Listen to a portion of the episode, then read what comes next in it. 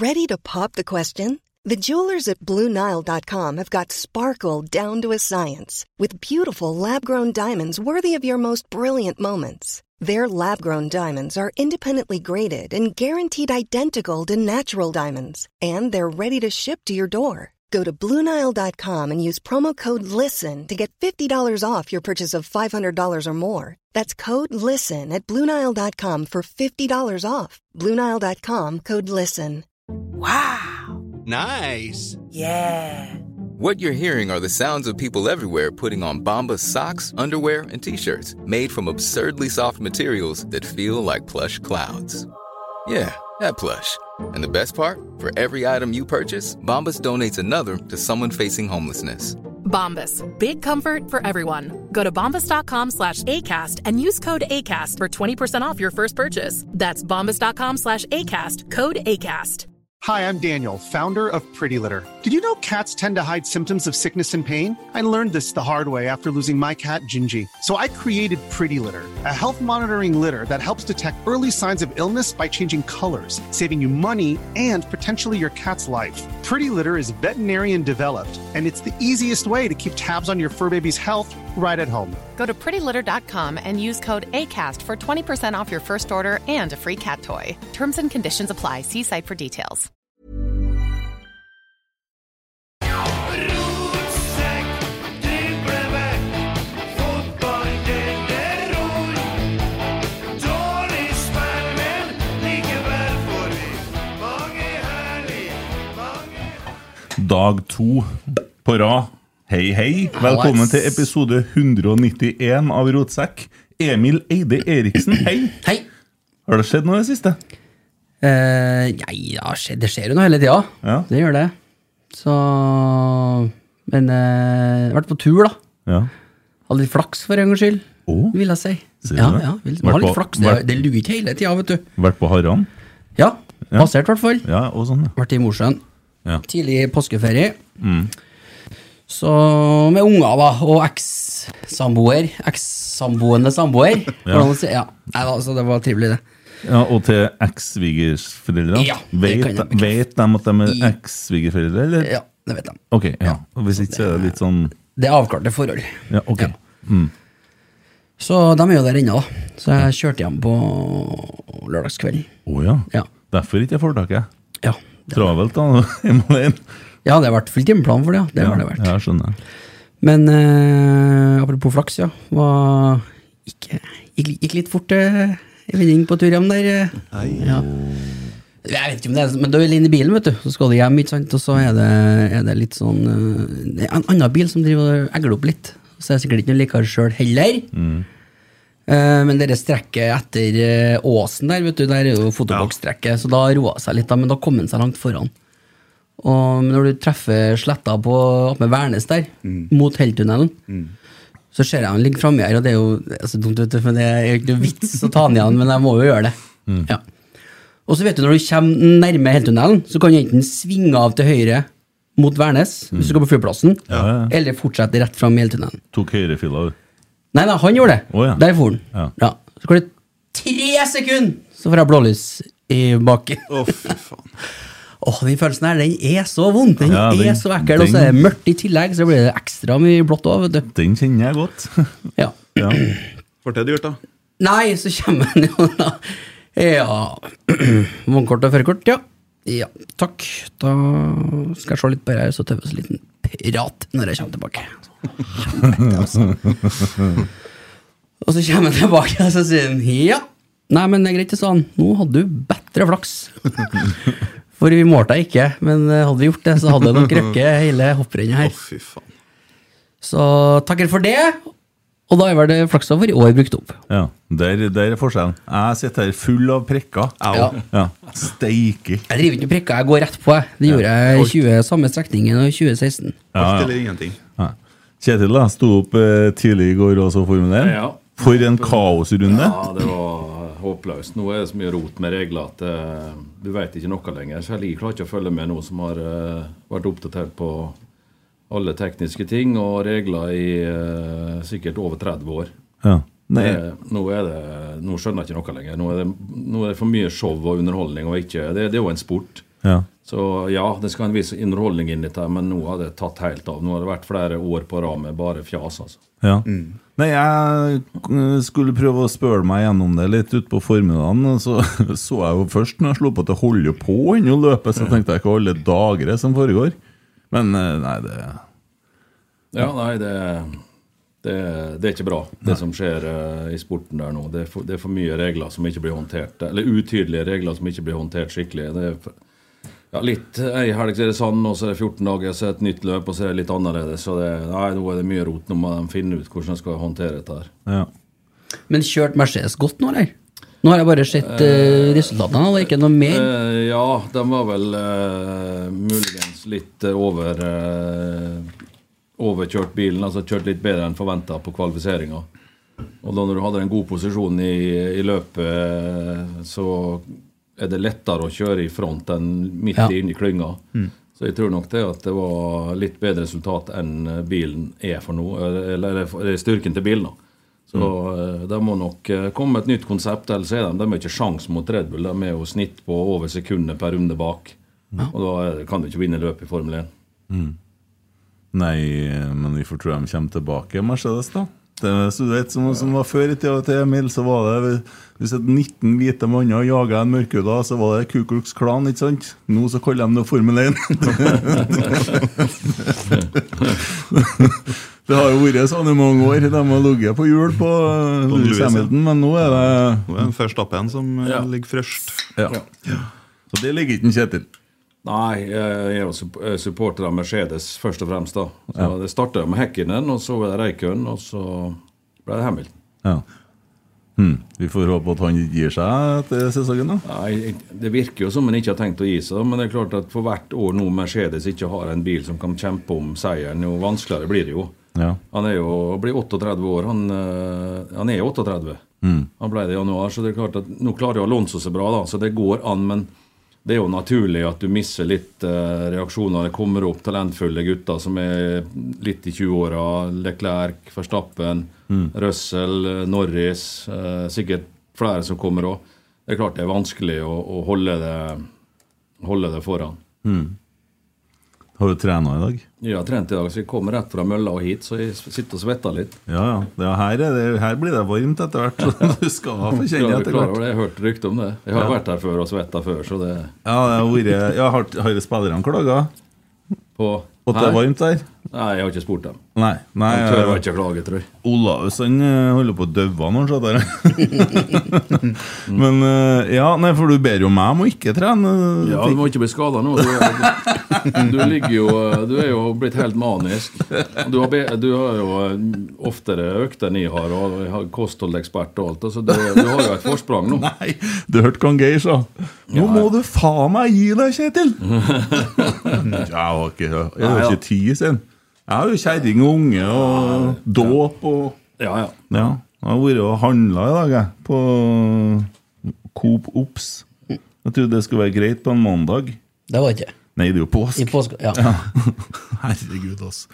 Nei, eh, jeg orker ikke å snakke om det der en gang heller. Men eh, nei, det, vi får ta det en søndag, kjenner jeg. Og Det, det er mye, sjø. Det, det er Vi kan jo ta det på søndagen. Nei, det blir jo på mandagen, for at søndagen blir på mandagen. Er sånn, ja. Jørgen har jo satt opp serierunden til at den begynner på mandag. Og det Ja, er andre han. påskedag. Ja, stemmer det. Ja. Det var han som styrer det. Så han kommer seg fra, fra hytta, ja. Ja. I rett tida. Det er nok noe med det. Fint.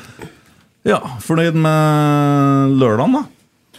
Jeg er fornøyd med starten Mm. på kampen. Eh, Vi har slitt med det lenge. Å komme i gang skikkelig, så det var greit. Og så var det vel litt uh, ymse en stund, og så var det en god periode inn mot pause og en bra start på andre omgang. Og så var det en halvtime med litt dødt. Mm. Og så var det en bra avslutning. Vi fikk til et par gode angrep uh, på slutten av kampen, sånn som vi skal gjøre oftere. Mm. Så vi vinner jo fullt fortjent. Så uh, Kongsvinger er et lag som jeg tipper kommer til å kjempe om direkte opprykk. Se det. Ja, det tror jeg. Så, men det er klart vi skal jo slå seg laget der. Så nå er vi endelig ferdig med treningskampene, for det har jo vært et evinnelig mas fra alle, alle rundt oss. Eh, hvert trekk eh, og hvert bytte og, og ja, hvert minutt har vært diskutert opp og ned i mente. Det er jo en oppkjøring. Ja. Så vi har et litt annet greie og fokus med å spille sammen folk, se på relasjoner. må fordele spilletid, holde folk i gang så vi får trent kontinuerlig fra første treningsdag. Så vi ser litt annerledes på det. Som det har jo vært eh, dumme dag her rundt oss. eh, og vi har jo ikke tapt en treningskamp heller, da, for så vidt. Vi har tapt den viktigste kampen, da. Ja. Det irriterer. Så vi kom litt skjevt inn i den med en veldig rotete treningsleir på Marbella med matforgiftning og sykdom. Og fikk ikke spilt inn en formtopp eller et lag som skulle være 100% klar mot Viking heller. Så Mm. det er jo ikke unnskyldning. Vi var ikke gode nok. Vi får heller ta det innover oss og sørge for at vi er bedre mot Viking nå om ei uke, vel. Mm. Ja, det er vel ganske nøyaktig det i morgen. Ja. Nei, i dag. I dag, det er mandag. Mandag i dag. Mandag i dag, ja. Ja, det går litt i syr i tull. Men uh, det er én ting som jeg syns var litt fint, uh, og har vært litt kult å se de siste uh, to kampene, og det er at Sam Rogers syns jeg står bra i midten. Men så når han ble flytta på venstresida, som egentlig den sida han liker minst, så er det da han trer den pasninga Ja til en, eh, en eh, Ja, da, Sam er en god spiller, han. Så det, han eh, må bare utvikles og ta noen steg på en, en del sånn spesifikke ting. I litt i aggressivitet, litt i å lese spillet et halvt, halvt sekund raskere. Bli litt mer modig med å ta med seg ballen fremover. Han har alle de ferdighetene som er nødvendige. Han er stor, han har bra Mm. fart. Mm. Han er bra i lufta, han er også god til å være med i oppbygninga. Og han er egentlig også god én mot én, så der er et potensial som ikke har slått ut helt maks ennå. Men det er en solid spiller, da. Seks mål i fjor. Det er jo sensasjonelle tall, så gjør han det samme i år, så skal jeg være veldig fornøyd. Mm. Ja, så syns jeg kanskje det ser ut litt som at eh, de to islendingene sammen på topp kan bli noe. Ja, det kan det. Så eh, vi måtte jo rive litt i krystall her i, i vinter en del ganger for å Jeg så i adressa at han har innrømt tøffe samtaler. Det skjønner jeg var løgndetektortest. Det, det så veldig dramatisk ut. Ja. Torturerte han sikkert. Ja, så har fått innrømmelsen av at det har vært tøffe samtaler. Eh, så for meg masse rare bilder her. Eh, Men det er jo fint at han innrømmer det. Jo, men det er jo en del av en spillerutvikling. Mm. Og det er jo det vi driver med stort sett hele tida her. Vi har, eh, vi har jo bare handla spillere som har potensial og kan utvikle seg. Vi har ikke kjøpt én ferdig spiller siden vi kom hit. Så eh, da må vi gå den veien der, og da må du stille krav, og så må du heve lista etter fremgang. Og for et, en, et nytt steg, et nytt steg, et nytt steg. Så Kristall er, er godt på vei nå til å ta inn over seg hvordan han skal spille som spiss. Uavhengig av hvilken makker det er. For du må jo prøve å spille på ferdighetene dine. Og han er jo Ja. ikke noe target, men han er en, eh, en spiss som kan sveve litt rundt og gå mye i bakrom. Og, og målet han skårer, er jo et perfekt timerløp, og også et, et godt oppbygd angrep som uh, er planlagt. da. Mm. Selv om mange ikke vil uh, eller, eller en del rundt oss vil si at det var tilfeldig, så var det ikke tilfeldig. Det var et eh, godt, godt planlagt angrep som sendte Kristall gjennom og skårte med, med venstre der. Ja, og der er det jo Sam Rogers som trer den pasninga. Der er en, eh, Du har jo sett mye av det der på trening. Det er jo litt enklere når man ser masse treninger, for da får du et litt sånn ja, større forhold til det. Ja, si. ja. Men vi har, vi har, altså det, er jo ikke, det er jo ikke unaturlig at vi har slitt med, med siste tredjedelen eller spillet på motstanderens halvdel i hele vinter, når du ser eh, den kvaliteten som ble borte fra i høst. da. Mm. Så det tar litt tid, eh, men du må jo likevel jobbe med seg tingene hver eneste dag. Så vi håper jo at eh, det skal løsne litt og litt. eh, At det bare knipser og at over natta er alt fantastisk. Det skjer nok neppe i fotball, men vi har nå troa på at vi skal ha en fin stigning i år òg. At vi er veldig oppmerksom på at poenget blir veldig viktig i starten av sesongen. Mm. At vi ikke står der med 14 poeng etter 10 kamper og er langt bak de tre, tre første lagene på tabellen, så at vi må jage resten av sesongen. Klarer vi å, å grave til oss nok poeng i begynnelsen og utvikle laget kontinuerlig, så kommer vi bra ut av det i år òg. Ja. Nei, Har vi 14 poeng, så er det greit nok det, hvis at Bodø har mindre. Ja, Går det bra med deg? Ja, veldig bra. Ja. ja. Det er bra. Nei, men nei, altså, vi skal se litt sånn eh, hva skal jeg si, stort på det, så ligger vi jo bedre an i år enn hva vi gjorde i fjor. Ja da, det, det gjør vi. Så, men det er når alvoret begynner. Det er Noen tar et steg fram, og noen tar et steg tilbake. Det, det er mange lag som brenner opp mye krutt på treningskampene og har en, en, en, eh, altså en seriøs eh, treningskamp i inngang. At det er utrolig viktig at du spiller kanskje lenger enn du bør gjøre, mens andre da sparer litt på, på kruttet og, og fordeler litt utover. Vi har valgt å gjøre det. Mm. For det er en lang sesong vi skal gjennom. Eh, optimalt sett så er den ikke ferdig før 14.12. Og hvis du da skal ha spillemøte med blodig alvor, og du skal stå og skrike og jage helt vilt i alle treningskampene i, i hver eneste situasjon, så tror jeg du brenner opp mye energi. Mm. Så vi har prøvd å liksom ta det litt ned og spille kampene og, og gjøre det seriøst, selvfølgelig. Ja, så gjør du jo sånn Du har jo sett Håkon Røsten har spilt back, og Marius Broholm har spilt back, og du flytter litt rundt omkring og prøver forskjellige konstellasjoner, både histen og pisten, og det er jo nå man må prøve det. Man kan ikke begynne å prøve det når det handler om poeng. Nei, ja, det, det er vanskelig når, når sesongen har starta, begynne å spille folk i form. Så eh, det blir jo et, eh, et eh, Det blir ikke noe lett laguttak på mandag. Det blir det ikke, for det, det er mange om beinet. Og så mangler vi sannsynligvis Børkeie, som gjør at vi er usikre på hva vi skal gjøre med Markus. Ja, det, og det er jo første spørsmålet som kom inn fra Jarl Trampekrapp Klapp. Fortell litt om valget med å flytte Markus på midten. Kan det hende at han blir værende der? Uh, I utgangspunktet så skal han tilbake i, eh, bak, for det er der han ønsker å spille, og det er der vi har sagt at han skal spille og satses på. Og det å flytte han frem og tilbake eh, uke til uke, det, det skjer ikke. Men i, i litt type kamp, da, og litt sesongstart, så tror jeg det er ekstremt viktig å ha en, en robust spiller akkurat i den posisjonen. Før ting setter seg. For det blir nok eh, litt humpete ut på Lerkendal, vil jeg tro. Det blir nok en kamp med litt tut og kjør og dueller. Det var det jo i Stavanger òg.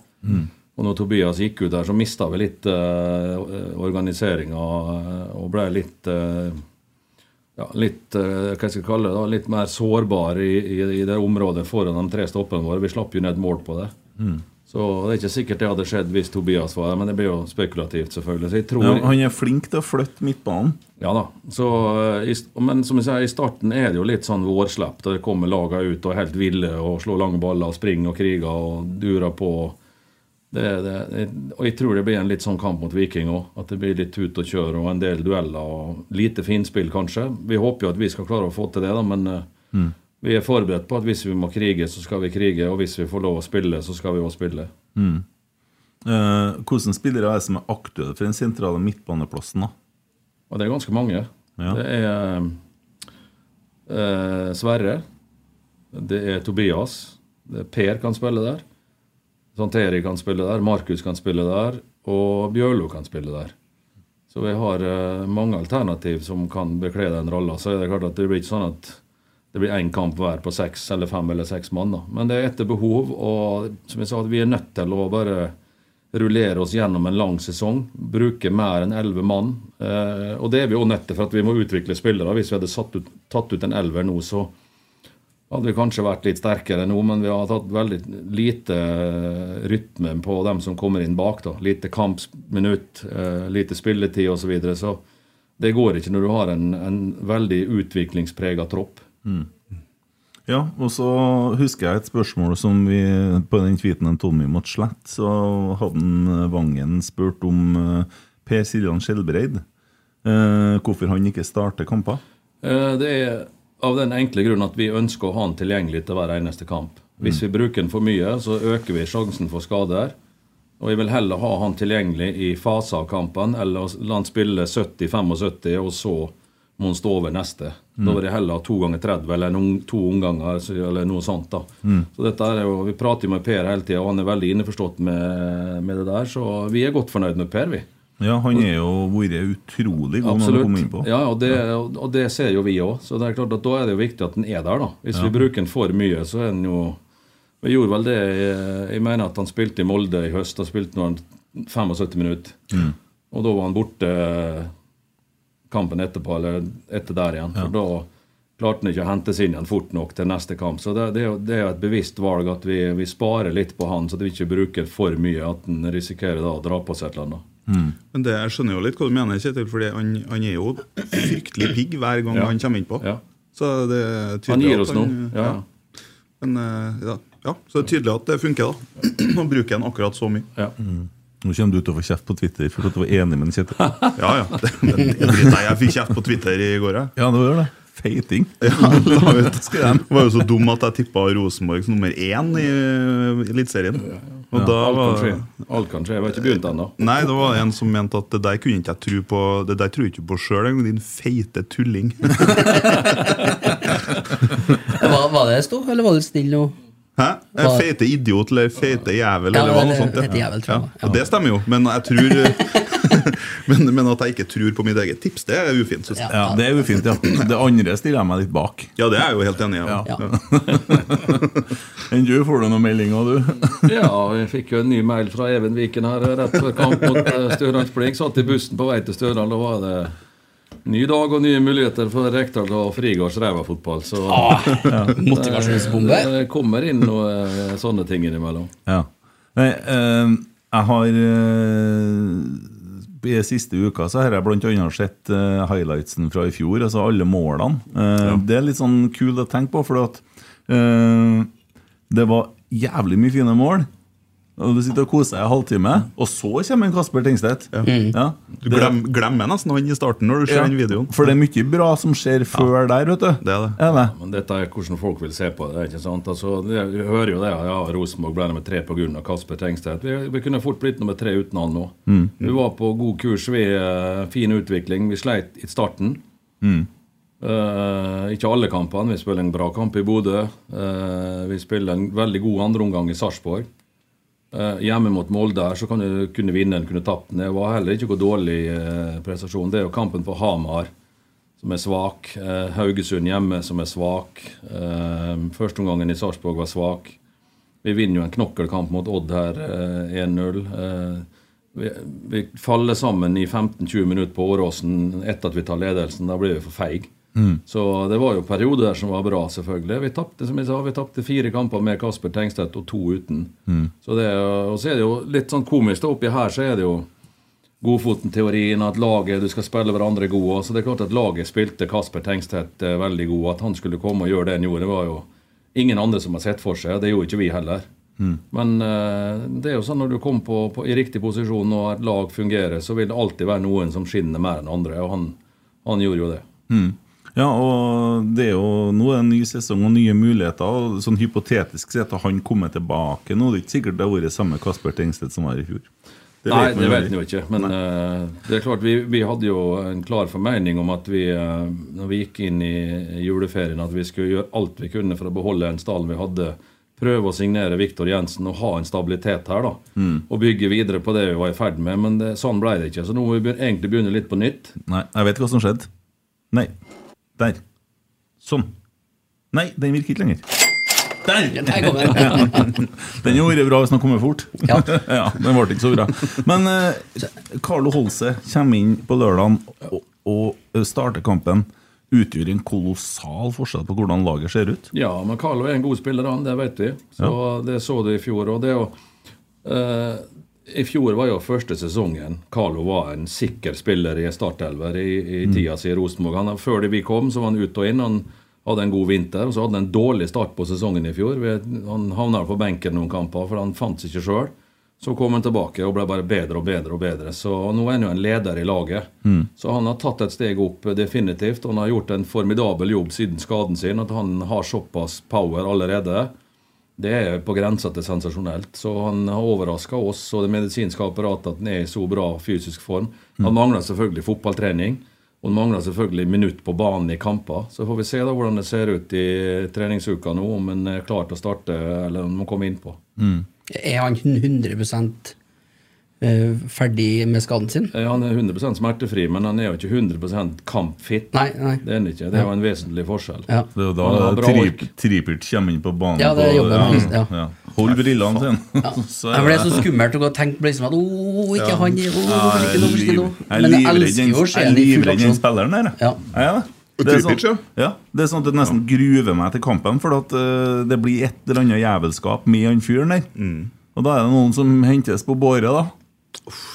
Ja, Håper han treffer en på eget lag. da. Ja, nei, eh, Det har vært en del ufine episoder med han spilleren der og Rosenborg-spillere. Så det, det med grøss og gru, jeg tenker på det. Men eh, herregud, det blir artig å begynne på. Altså. Jeg gleder meg. Det har vært så lang prisisen. Satt og så litt på eh, Allsvenskan i går. Ja. Og da, Du gleder jo ikke deg mindre til vi begynner heller, da, når du ser Hammarby og Göteborg eh, fyller stadion, og dæven, altså. Dere får dem til borti her. Mm.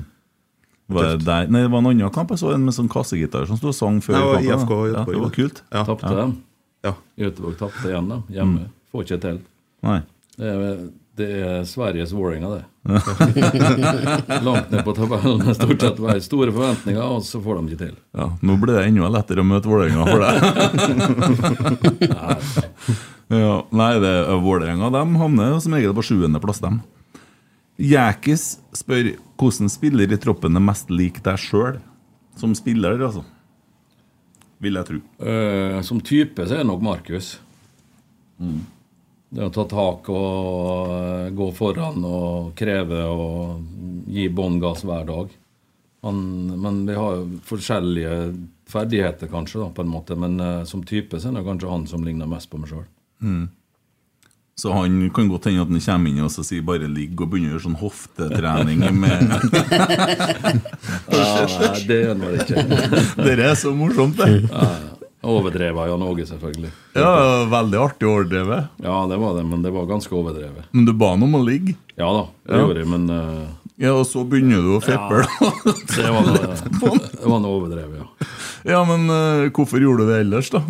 Det, det, det, Nei, det var vel det at vi hadde jo en mann mindre. Ja, Men å stille av luften sånn nei, det var vel Jeg vet ikke, det var sikkert bare et innfall du fikk der og da. Kan hende, kan, kan det hende han sa da at du mista pusten. Og så får Pollaken rødt kort. Hæ? Ja. Det er fin, den. Ja, det der er så nydelig. Jeg må si den serien her, Våre beste menn, jeg syns den er faktisk bedre enn Alt for Norge-filmen som kom for ikke så lenge siden òg. Jeg syns den der er ja, Jeg liker hele greia. Det er ikke vekker noen følelser fra gamle dager, i hvert fall. Ja, det, det er noe varmt og noe behagelig med det. Men den er jo litt er si eh, Den filmen, der var det jo litt mer fokus på Drillo. Mm. Men serien her så er det jo Kjetil og guttene som Jo, jo, er- der sitter jo medisinsk apparat og uttaler seg om sportslige ting, og det er jo litt hytt og gevær, da. Ja, det var fin den seansen der, ja. Ja. Det, nei, jeg er helt enig. En Nydelig serie. Det, Sånn kan de gjerne lage. eh, I, det, I den sjangeren her så vil jeg ha en ny serie hver uke, egentlig. Ja. Det ser ut som TV2 holder på å legge an til det. Så, men nå ser de å lage en sånn Vish-versjon av innsiden. Jeg så det. Det var rare greier. Jeg syns ikke det var noe bra. Hva var det? Nei, ser ikke på det, ser ikke på det. Hva var det? Vålerenga-greier. Ja, Som TV 2 laga? Ja, det er sånn ære være, tror jeg den heter. Ja. ja. Nei, det vet ikke jeg noe om. Har du sett den? Nei. Ja, eh, Våre beste menn, ja. Ja, men ja. den derre serien eh, om uh... Vålerenga? Ja. Nei. Nei. Jeg ser kun oss sjøl. Ja, ja du, du ser innsiden? Ja, ja. Jeg, jeg må jo godkjenne noe av det før de får legge det ut. da Men det har aldri vært noe problem. Nei. Det er veldig lite sensurert der. Ja. ja, det har jeg inntrykk av. Det, jeg husker det ble en sånn debatt i fjor om uh, taktisk prat. For da hadde jo dem på medieavdelinga klippet det helt ned. Ja da, eh, men det er jo Det går jo ei grense. Det, er altså, det er jo ikke det, Alle følger jo med, eh, alle lag. Så Du vet jo hvordan motstanderen spiller, og styrke og svakheter. Og du spekulerer jo i det selvfølgelig når du skal møte dem, at der har de trøbbel. Det må vi prøve å, å bryte oss gjennom på. Her er de sterke, der må vi passe på. Ikke sant? Så det er jo et spill mot spilleren. Så du kan ikke blottlegge alt. da. Nei. Det kan du ikke, så det vet de. Så de, det kan godt hende de filmer det, men de tar bort, eh, tar bort det med taktikk. Det er iallfall en del. Mm. Du sa jo her eh, for en stund siden at jeg har et ess i ermet som ingen har sett ennå. Sånn, har du sånne tanker fortsatt? Ja, liksom? det er, jo, det, er jo- det er jo et strategisk spill, dette her. Ja. Det er sant? Så det er jo når du er gjennom vinteren, og det, du har jo ikke lyst til å blottlegge alt eh, for konkurrentene dine. For det er klart, du ser jo kampene til motstanderen, Mm. eh, og dem ser jo våre også. Derfor så er det kanskje en fordel å bytte litt hit og dit, og, og vente med, med noe som eh, kan bli utslagsgivende. F.eks. en spesiell kamp. da. Mm. I fjor så var det jo Bodø. Funka greit, da. Ja, at vi, vi hadde bestemt oss at vi skulle gjøre det, og vi drøyde jo med det til siste uka, for så vidt. Mm. Eh, og vi flytta vel treninga frem en time ofte, ikke verken Nidaros eller Adressa skulle se hva vi drev på med. Så når de kom, så var vi ferdig med formasjonstreninga. Mm. Så det var bevisst valg, for at ikke det skulle komme ut. da. Det er jo rene Per Joar Hansen. du Nei, men det, er- det er klart i dagens internettverden så er det jo lett å vite alt om motstanderen. Det er klart det er ikke at det, det er store forskjellen, men det er klart hvis du vet torsdagen hvilke elleve spillere vi skal møte, så er det jo mulig å, å planlegge litt ut ifra det. Så det Mm. Derfor så er vi eh, litt hemmelighetsfulle med, med noen ting, iallfall. Ikke mye. Ja, noen. for dere har jo vi diskutert også, for jeg har jo sagt nei, ikke legg ut noe elver. Vi har jo sett det på trening, sånn, men, men det er jo ikke noe vits, for at avisene skriver jo uansett antatt ja, er derfor, startelver. ja, derfor så rullerer vi litt på laget, så at det ikke Ja. er klink. Ja, så er det ganske artig å se, for at de som eh, spiller som andrelag eh, med vest, da, eh, slår jo ofte de elleve som skal starte Ja, kampen. det, det er jo for at den, den gjengen som tror de skal starte, sparer seg litt da, for de skal ha Ja, kamp. altså- men, men eh, det er jo ikke Så er jo de andre sikkert litt forbanna og litt ekstra motiverte. Så du eh, kanskje på en måte utligner litt eh, kvalitetsforskjellen. For det jo, skal jo være den elven som starter, skal jo ha litt mer enn de elleve som spiller imot på trening nå i utgangspunktet. Men det er jo klart det er mange proposisjoner her. Det er veldig lite som skiller. Mm. Så og over en lang sesong så er det jo veld, det er veldig få som er på det ene laget hele tida. Du er jo Mm. ganske mange ganger innom uh, toerlaget på, på treningsfeltet. Og så er det jo stabilitet i folk som skal spille ved siden av hverandre. Og så er det noen ganger du må bytte da, for at du skal prøve å se om andre relasjoner kan hjelpe oss videre. selvfølgelig. Skader, Ja. Slitasje, dårlige prestasjoner etc. etc. Så du, du er jo nødt til å ha en viss rotasjon. Og vi har såpass ung, ung tropp at uh, vi kan liksom ikke bare velge ut elleve og la resten stå og, og, og, og spinne. De må ha muligheten til å vise fram. Mm.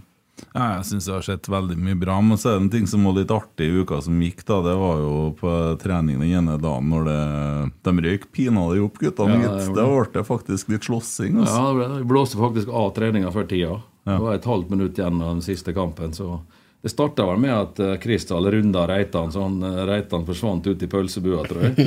Parkert. Ja, Parkert, ja. Og så var det en spurtduell dem to etterpå, og da var det litt knuffing. Og så kom jo selvfølgelig Adrian og skulle være med. da. Ja, han må være med, da. Ja, Ja. Kristal han snek seg unna. Ja. Eller han sklei vekk, og så var det plutselig Reitan og Adrian som lå på bakken da, og skubba på hverandre. Så, men så lenge det ikke går over streken, så er dette jeg tror det er vanlig. Ja, det er ganske Jeg syns det er et veldig godt tegn, da, for det er veldig tenning i laget. Ja, mm. Når, det, når det betyr så mye på ei trening, og det ser vi jo hver eneste dag. Det jubles jo og Ja, ja. mobbes, og det Ja. ja. Ingen som liker å tape, vet du. Nei, men det er litt artig å si at en, uh, Kristal runder en Reitan òg, for det gjorde han. Ja, og han må ha bygd litt muskler, for jeg husker nå når han kom i fjor sommer og han sto og støtta seg på knærne og var helt gåen på første treninga. Det har nå skjedd litt. Ja, og så ble han jo skada med kor, eh, korsbånd, seg med kragebeinsbrudd ganske fort. Mm. Så han var jo seks uker ute av Så da han kom inn igjen på slutten av sesongen, så var han jo ikke i sin beste form, selvfølgelig. Så, men vi har piska han skikkelig gjennom vinteren, så jeg tror og håper at han har tatt et steg opp. Så han Yes. kan bli en overraskelse for mange. Skåre på landslag, og han spilte jo i Tromsø med brukket kragebein. Ja, Var ikke den straffen Tok ikke den etter han eh, rente inn i stolpen, tror jeg? Jo, jo, jo. Ja, så ikke bare spilte han, han skåra mål med Ja, ja, brukket ja. kragebein. Han gjorde det. Ja. Og det var ikke noe sånn liten uh, kakk i stanga. Det var Fy så jævla vondt ut. Den bøyde seg, den stanga. Så ut som keeperen til Viking har vært her. Flytta på. Det må vi følge med på mandag, ja, når han Ja. går og begynner å sparke i stengeren der. Ja. Men hadde han Reitan glemt av den selektive hurtigheten eller på den duellen? Fun funka ikke Jeg det? tror ikke det. Jeg tror han satsa på å ta han, og så eh, finta han forbi. Ja.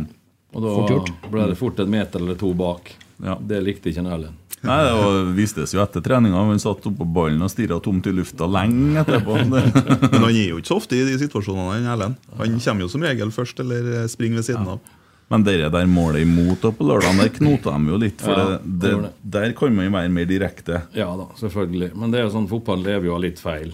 Mm. Så eh, det var vel eh, egentlig bra til å begynne med, og så gikk ballen gjennom, og så ble den hengende, og så ble det litt, kna eh, Ja. litt rot, og så kom André ut og skulle ta ballen, og så Jeg vet ikke om ballen gikk mellom beina på han eller hva for noe. Det ble litt sånn uheldige omstendigheter. Men det, det sånt skjer jo i løpet av en sesong. Det er jo ingen som er feilfri. Så, Men det var enig i at vi, vi burde avgjort, eller avverga det målet. Mm. Men forklar meg da, dere der når André Hansen står med ballen. Mm. Han har veldig god tid. Ja, Det er jo for at vi skal komme i riktige posisjoner ut ifra motstanderen vi skal spille oss ut. da. Så ikke han setter i gang før vi er klar. Ja. For da ender vi jo ofte opp kanskje feilvendt, og så må vi spille hjem til keeper for det blir såpass hardt pressa. Så det er jo for å få grunnoppstillinga på plass. Ja. Så kan du sikkert alt diskutere kunne det gått fortere der, fortere der. og så det, det, er jo, det har jo med trygghet å gjøre at vi stiller oss opp. Første pasninga skal ut, utføre at noe annet skjer etterpå. Det er? Ut ifra motstanderen, hvordan de prøver å presse oss eller låse oss av. da. Så det er jo en gang mot ett lag så er det f.eks. en indreløper som skal bli fri. Mot andre lag så er det spissen som skal bli fri. En tredje gang så er det kanskje eh, wingbacken som skal bli fri. Litt avhengig av hvem som presser oss, og hvordan de presser oss. Så det er jo, det er jo eh, Men det, ja, vi kan jo selvfølgelig sette i gang fort, da, men uh, André er jo en erfaren kar som ikke har lyst til å sette i gang, og så blir det trøbbel, da. Ja.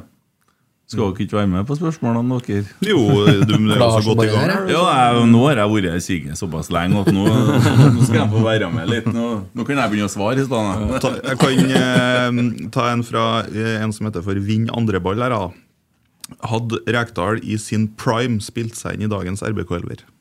Ja, garantert. Kan ikke si noe annet, da. Nei, men det hadde du nå gjort. eh, det tror jeg. Ja, ja, det hadde jeg. Hva er første minnet ditt med Kjetil? Mitt minne? Ja. Eh, oi Nei, du, Det er jo Norge-Brasil. Da Ja, Da var jeg sju år. ja akkurat. Fikk du se på kampen så sent på kvelden, da? Ja, ja, Vi satt i hele nabolaget. Jeg hadde rigga opp storskjerm i en garasje. Ja, og Jonsøkaften, vet du. Da var vel ja, Skolen var ferdig òg, da, så det var ikke skoledagen etterpå. Nei, nei, da var det altså, var ikke farlig før for 20-25 år siden. ikke farlig da, nei. Nei. Det var i dag, det. For når sprang ned i gatene midt langt på natt. Ja. Er Rart å tenke på. Jeg var helt zombie, for det var bare dager før at dattera mi ble født. Ja. Så men husker jeg for jeg sprang ut på plenen etter kampen. Det var helt over. Det var, ja. Nei, første, første jeg husker, det er mål mot England. På Wembley. Ja. Det skuddet der. Og den som var ferdigskåra, vet du. Han sier den gjør han, ja. Spratt, spratt opp i magen på meg. Nei, det var, det var helt vilt. For da, da, var det, da, da var det sånn at uh, man syntes at landslaget var litt dårlig uh, ennå. Det var liksom vant med å tape. Men eh, det var det der jeg husker at det snur, da selv om det kanskje er allerede mot Kamerun, som kanskje var før det der. Men ja, det er liksom der jeg fikk ho-ha-ho. Fader, så håper vi får noe sånt igjen. Med landslaget Nei, da trykker jeg på feil. vet du Landslaget er den der.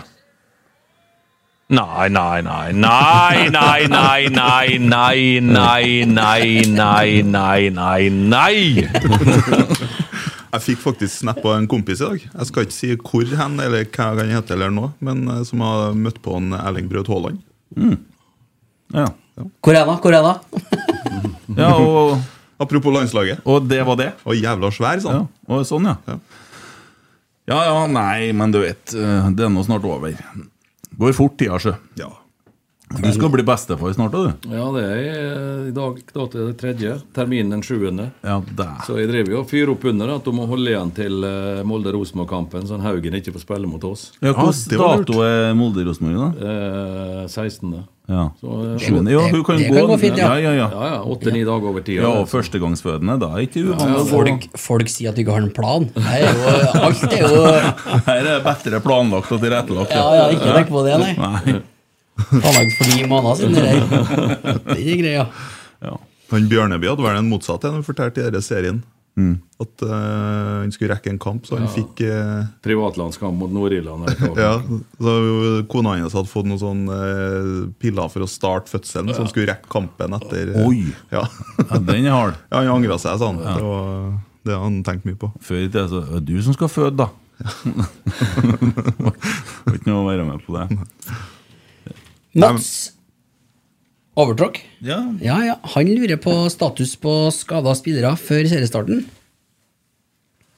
Ja, det er Olaus og Edvard som er 100 eh, ute, tror jeg. Så har vi et lite håp om å få Tobias tilgjengelig, iallfall. Okay. Uh, litt avhengig av hvordan det går de kommende dagene her. Uh, ja. Ole. O Ole, ja, selvfølgelig. Ole er ute. Ole, Olaus og Eddie de er ute til midten av eh, mai, tenker jeg. Men det er dekning på de fleste plassene, ikke da? Ja da, Når vi fikk Isak tilgjengelig nå, så vil det hjelpe på at vi har en med litt fysikk foran her. Jævlig spent på hvilke to du starter med, altså på topp. Ja, det er åpent. Det er åpent. Det, er, vi får eh, Det er Viking òg. Ja.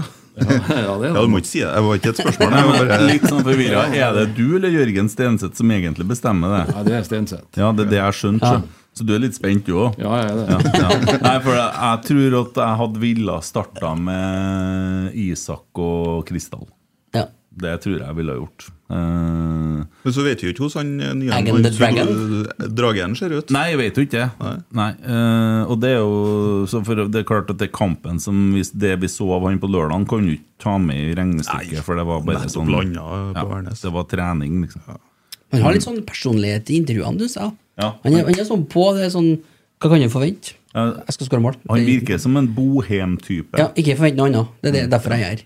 Ja, Men jeg kan fortelle han Jeg ringte han da og skulle snakke med han, og så, så sier jeg We are searching a good striker. You are talking to one. Ja, se der, ja. Ja, det fint. Det, den er fin. Den er fin. Ja. Nei, han har, uh, har Men det er klart det er jo et steg opp fra Finland og hit. Og kanskje så går det bare bang at han tar det med en gang. Så, men vi- vi får se på treningene i uka. Det, Ja, det er trening i morgen? Uh, nei. Nei. Uh, onsdag, torsdag og lørdag, søndag. Ja.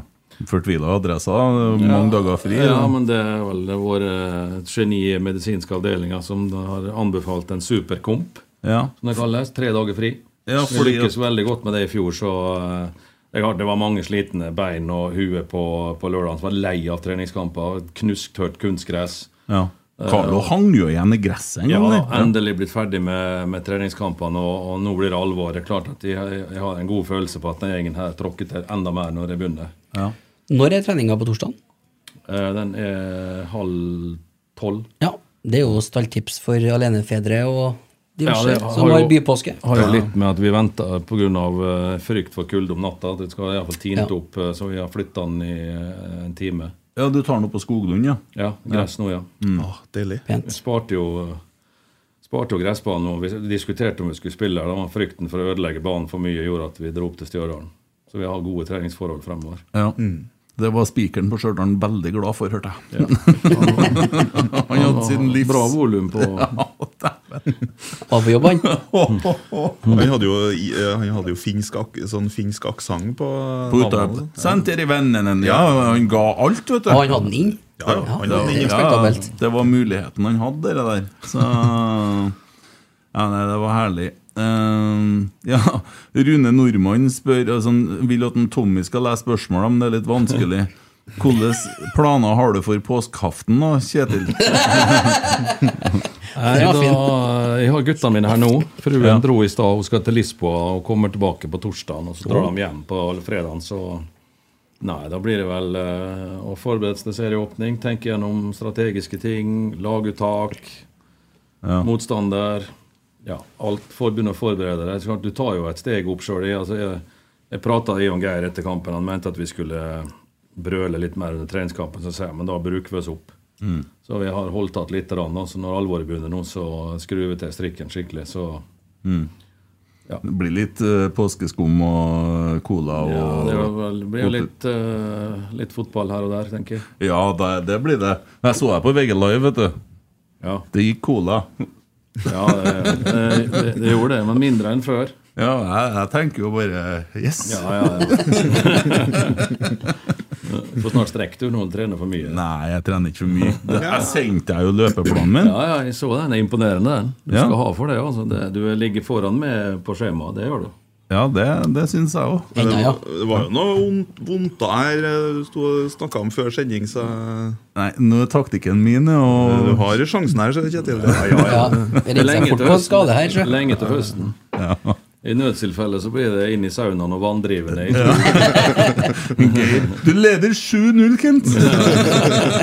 det er nok etter første runde. Ja, Geir han eh, begynner å ta innpå med han. Jeg sa har sagt det til han jeg kom til krysset, at du, slutt, slutt, til slutt så har du større mage enn meg, Geir. Så ja, han, eh, han drikker jo Pepsi Max, og det ljomer etter. Det er flere liter om dagen. Det er helt sjukt hvor han bøtta innpå der. altså. Ja.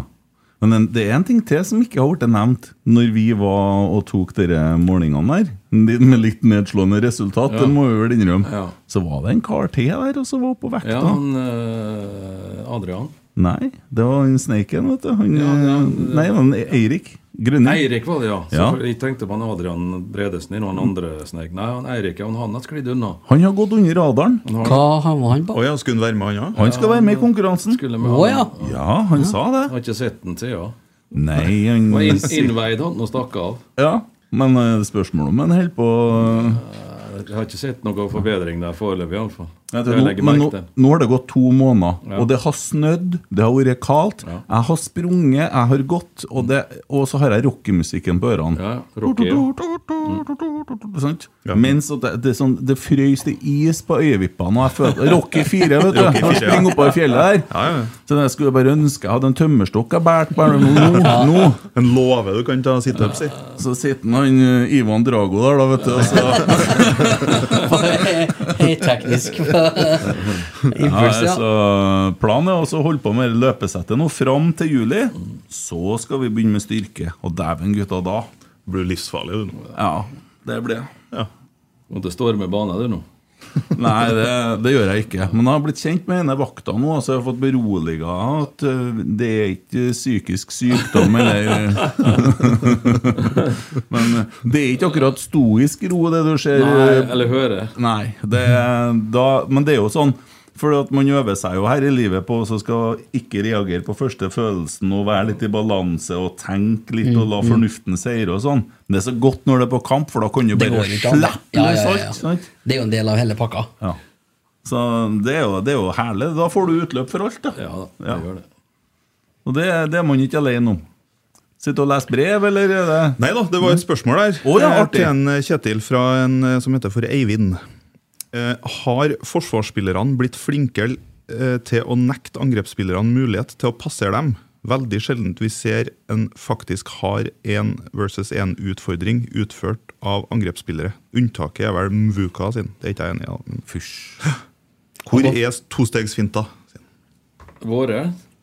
Eller motstanderen Nei, det er sånn generelt, tror jeg han lurer på om, liksom, om det har blitt jeg eh, tror fotballen den er utvikla seg at det blir mindre og mindre rom. Ja. Det er veldig sjelden du får eh, Altså Hvis du eh, jager et mål, da, så kan det hende at, eh, at du får litt mer rom når du kontrer. Men når kampene er tight, så er det veldig lite rom, egentlig. Og det har jo med fotballens natur og intensitet at den går oppover.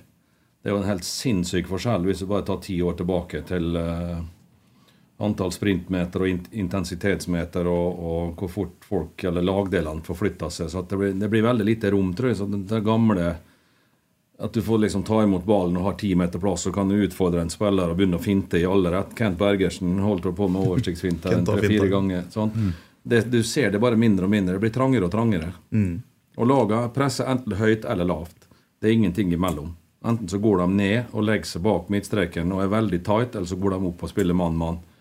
Og da, da ser du dette mindre og mindre, egentlig, fordi at du får mindre og mindre plass. Men Det er jo bare å se på hvis du ser på en gammel Hvis du ser på en kamp fra 90-tallet, Ja. er altså i VM, så se hvor mye rom det er. Ja, ja, og hvor tregt det går. Men har du noen gang mer opplevd mer mas og kjas og trøkk enn presisen fra noen omgivelser enn hva du har Nei, det har vært helt vilt. Ja. Det var helt vilt hvor det har vært uh, i år. uh, altså, jeg skjønner jo uh, utålmodigheten og historien og alt det greia der. Men du, du, det, for meg iallfall. Vi må leve i nuet og på det nivået vi er, og så gjøre det bedre. Altså det, vi har jo drømmer og, og ambisjoner og vilje og ork å legge ned et arbeid som tar alle, alle minutter eller timene i døgnet. Men vi må forholde oss til virkeligheten og jobbe derifra. Vi kan ikke gå rundt og fantasere eller håpe at vi skal jukse oss opp på et høyere nivå. At vi vil til topps. Og så får uh, vi pine oss sjøl så mye som mulig for å korte ned den tida. Ja, da må man kanskje uh, få det litt som i fjor, at man starter på Ikke at man begynner å slippe inn mål, men at man spiller litt type grådig fotball før angrepsspill begynner å selge seg, nei, begynner å sette seg. Vil jeg tro. Det vet en aldri. Sånt, uh, Molde Jeg vet ikke hvor mange kamper de vant i fjor med, med å skape to-tre målsjanser. De hadde vel eh, en haug med 1-0-seiere som var sånn. Men de har ikke det Altså, vinne i, i Rosenborg er bare halve jobben. Du skal oppå der med, med underholdning og angrepsvillig fotball. Og jeg har sagt det, vi hadde en av historiens beste hjemmesesonger til Rosenborg. Enda så er det folk som sitter og gneger om at det ikke er bra nok. at det, eh, da, da har du en, en, en illusjon om å se noe som ikke er mulig å få til, Ja. som ikke eksisterer. da. Ja. Og så er det jo ting som kan forbedres, det er vi veldig klar over. Men det, det, altså det som skjedde på hjemmebane i fjor, var artig og uh, fotball fotball. Vi kan trekke bort en første omgang mot Haugesund Mm. og noe sånn sarv. Det, det hører jo med. Eh, personlig verste var jo bortekampen mot Ålesund. Men altså, ærlig talt, vi hadde jo ikke spissa heller, da. Det var tynt. Vi var 13 mann mot eh, Ålesund og Kongsvinger, tror jeg. Ja. Ja, for da var ikke benken fylt opp engang? Nei. Nei. Men, altså, men altså går, Jeg skal ikke rakke ned på Bodø-Glimt, selv om de andre gjør det. Men Bodø-Glimt, som alle sier er fantastiske, de hadde åtte hjemmeseiere, seks uavgjorte og ett tap. Altså n- 50 nesten av kampene klarte de ikke å vinne hjemme. Men da er det ingen som stiller spørsmål om angrepsspillet til, eh, til Rosenborg på hjemmebane og ga bort poeng mot det ene bunnlaget etter det andre. Vi hadde tolv seire hjemme og to uavgjorte. Den siste er jo eh, Det var litt flatt batteri. Eh, Vi jobba med det hele uka at nå må vi vi kan ikke være fornøyd med at vi har tatt medalje og kvalifisert for Europa. Vi må slå, prøve å bygge oss opp til å ha en, et siste krafttak da, for å slå Sarpsborg, i tilfelle det skulle skje noe. da. Men det klarte vi ikke å mobilisere til. Vi hadde trykka på hele høsten, så da var det litt tomt. Dessverre. Men det er klart, sånn taktisk sett så skulle vi aldri tapt den kampen og komme opp på 2-2. For at du har en, en litt dårlig dag. Da risikerer du ikke sånn som vi gjorde. Da Da stenger du døra og sier greit. Vi holdt på å tape. Vi fikk 2-2 i 92. Da tar du det ene poenget istedenfor å kaste det bort den etterpå. da. Det, Ja. Det- Det var det ikke Renzo som gjorde en liten feil? jo, han, han, han. Renzo gjorde ikke bare det. Men vi har det samme i Tromsø. Ikke sant? Vi har det samme i Kristiansund. Vi mista fire poeng ved siste måneden. Ja, og så kommer Overtid. målene på samme måten der, ifra Ja. dere der at vi rygger og rygger Ja. og rygger. Ja, ja, og det har vi jobba ganske hardt med siden vi kom hit, og enda mer i vinter. og Vi får håpe at vi ser det sjeldnere. Ja. Jeg har aldri ropt så mye 'ikke rygg' som jeg har gjort i treningskampene våre. Eh, Jørgen eh, Kartskallen spør Mener Kjetil fortsatt at det burde kuttes ned på antall lag i Eliteserien. Jeg mener det. 14 hadde vært det perfekte tallet, for da hadde du fått tatt bort fire spille, spilledager og gitt de lagene som skulle ut i Europa, et bedre kampprogram og enda større forutsetninger til å, å ta nye steg der nå. Og så er det jo Et annet argument er at altså, poengsnittet til de nederste lagene er altfor lavt. Avstanden blir for stor mellom toppen og bunnen, og da får du mange Når eh, Rosenborg avslutta sesongen mot Ranheim her, så var det seks lag på 30 poeng. Ja. Inne i siste serierunden. Altså seks lag. Det er, det er seks av 16. Altså du er over 40 da, er det vel, av lagene som har ett poeng i snitt, og det mener jeg er for svakt. Det er Tenk på at det er for mange lag. Ja, nå tar vi bort bare Bodø og Molde. Ja. Men det, Ja, er vi kan gjøre Det det. er 14 lag. Ja. men det er jo bare å se på sånn som i fjor, da. Jerv. Hva tilførte de Eliteserien? Bortsett fra hvis du kommer fra Grimstad. da. Ja, hva de tilførte eh, For det første så tilførte de en eh, artig eh, kvalikkamp mot Brann, som jeg nesten så. Ja, Altså, jeg så på skjermen, men jeg så ikke Jo, kampen det, så godt. men så hvis vi husker i gamle dager, da at noe, det, Argumentet som blir brukt nå, det er at ja, men da forsvinner store deler av Norge. Men det er jo egentlig bare tull. For når det var tolv lag, så var Sogndal oppe. Du hadde Mjølner oppe. Du hadde Kongsvinger oppe. Du hadde Fredrikstad oppe. Du hadde Start oppe. Du hadde Haugar til og med oppe. Jeg lurer på om ikke Vard var oppe. Der Os hadde vært oppe. Så det er klart at det er mulig. Hødd har vært oppe. i- Steinkjer. Har vært oppe. Så Ja. det, dette er egentlig bare bli god nok, det. Mm. Det så- hører vi om hver dag. Tom ja. Reidar og Steinkjer har Ja, vært. Nei, så det, men det er jo um, Det er klart, at det far, Hvis det blir for mange kamper som ikke er interessante nok Jo oftere de beste spiller mot hverandre, eller ikke avstand er for stor, da, så får du artige kamper fordi du angriper hverandre. Og Hvis du har halvparten av ligaen som står på egen 16-meter, så blir det sånne langdryge kamper og en kamp for å prøve å bryte ned lag som ikke er interessert i å spille sjøl. Den underholdningsverdien er jo ikke så stor. Men så er det jo sånn begrensa. Hvor mange lag skal du ha med? Så er det også viktig selvfølgelig at det er mulighet for andre som bygger seg opp og får sjansen til å komme inn i elite- Eliteserien. da. Det, ja. Det er min ærlige mening er 14 lag hadde vært nok. Ja. Men, eh, men med den måten Norge spiller nå, da, så har vi jo på en måte kanskje blitt eh, det beste rangerte landet i Norden. Ja, vi har vel gått forbi Sverige og Danmark i det Ja. siste. Jeg tror Eliteserien er rangert foran i hvert fall allsvenskene. Ja. Ja. Danmark òg, tror jeg. Så, så på en måte så har jo det systemet som er nå fungert, da. Til tross for kunstgress og Lars Boenens utsagn i forrige uke. Fikk du med det? Ja, jeg så det, men det det får andre holde på med. Men, men hvis du tar eh, Hvis du tar kampprogrammet da, ikke sant, for spillerne For det er, det, det er spillerne som er produktet. Ja. Og så da fra eh, ju, uh, juli kanskje begynner Europacupen. Det laget da som går videre, spiller midtukekamper fra juli og til sesongen er over omtrent. For at du har landskamper i tillegg, og mange spillere på de beste lagene er også på landslaget. Så det er liksom begren- Jeg sier ikke at de ikke tåler det, men det er begrensa hvor mange kamper du kan spille med tre-fire dagers mellomrom over flere måneder før det kommer skader, og at eh, nivået går ned. Det ser du på Premier League, det ser du i Spania, det ser du i Tyskland, du ser det i alle nasjoner. Og det er jo for at fotballen krever mye mer nå enn før. Det er en, en ekstremt intens eh, sport blitt, med antall sprintmeter, antall hurtighetsmeter osv. Så, videre. så det er jo begrensa hvor en kropp tåler, uansett hvor godt trent du er. Så eh, ja, og da, som jeg sier, skal produktet være best mulig, så må vi se på eh, Nå er det jo skal utvides enda mer, da. Og Uefa eller Fifa vil jo ha mer kamper, mer kamper, mer kamper. mer kamper, sant? Og Klubbene begynner jo å bli lei av dette og, begynner å si nå må det snart bli stopp, for det blir for mye. Så Det er ikke bra, det heller. Nei, for det, det, da er det business man tenker, sant? Ja, det er litt for mye business. Ja.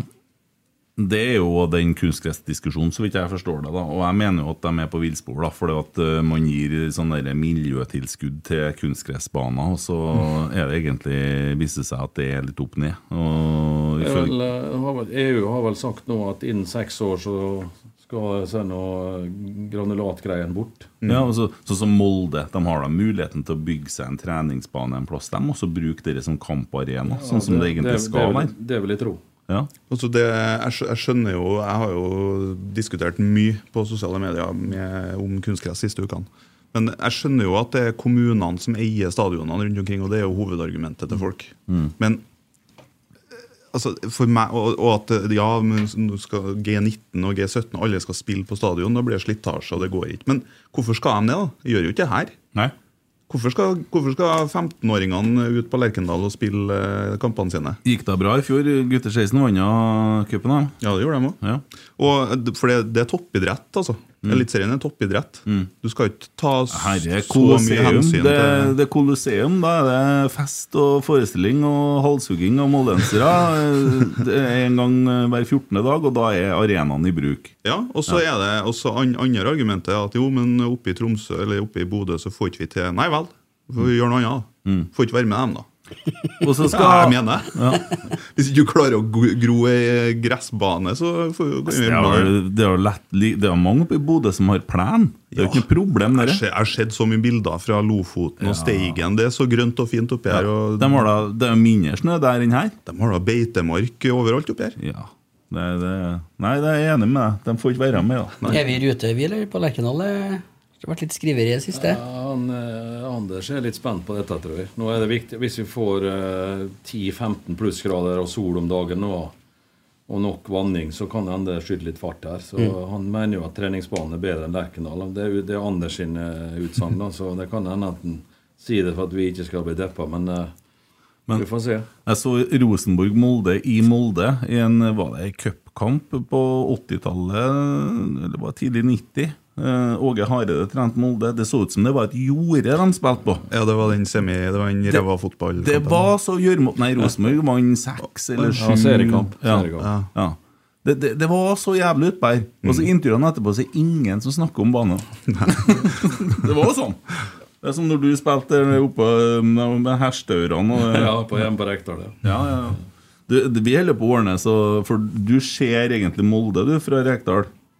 Eller er dere lenger ned? Nei, vi ser uh, så vidt.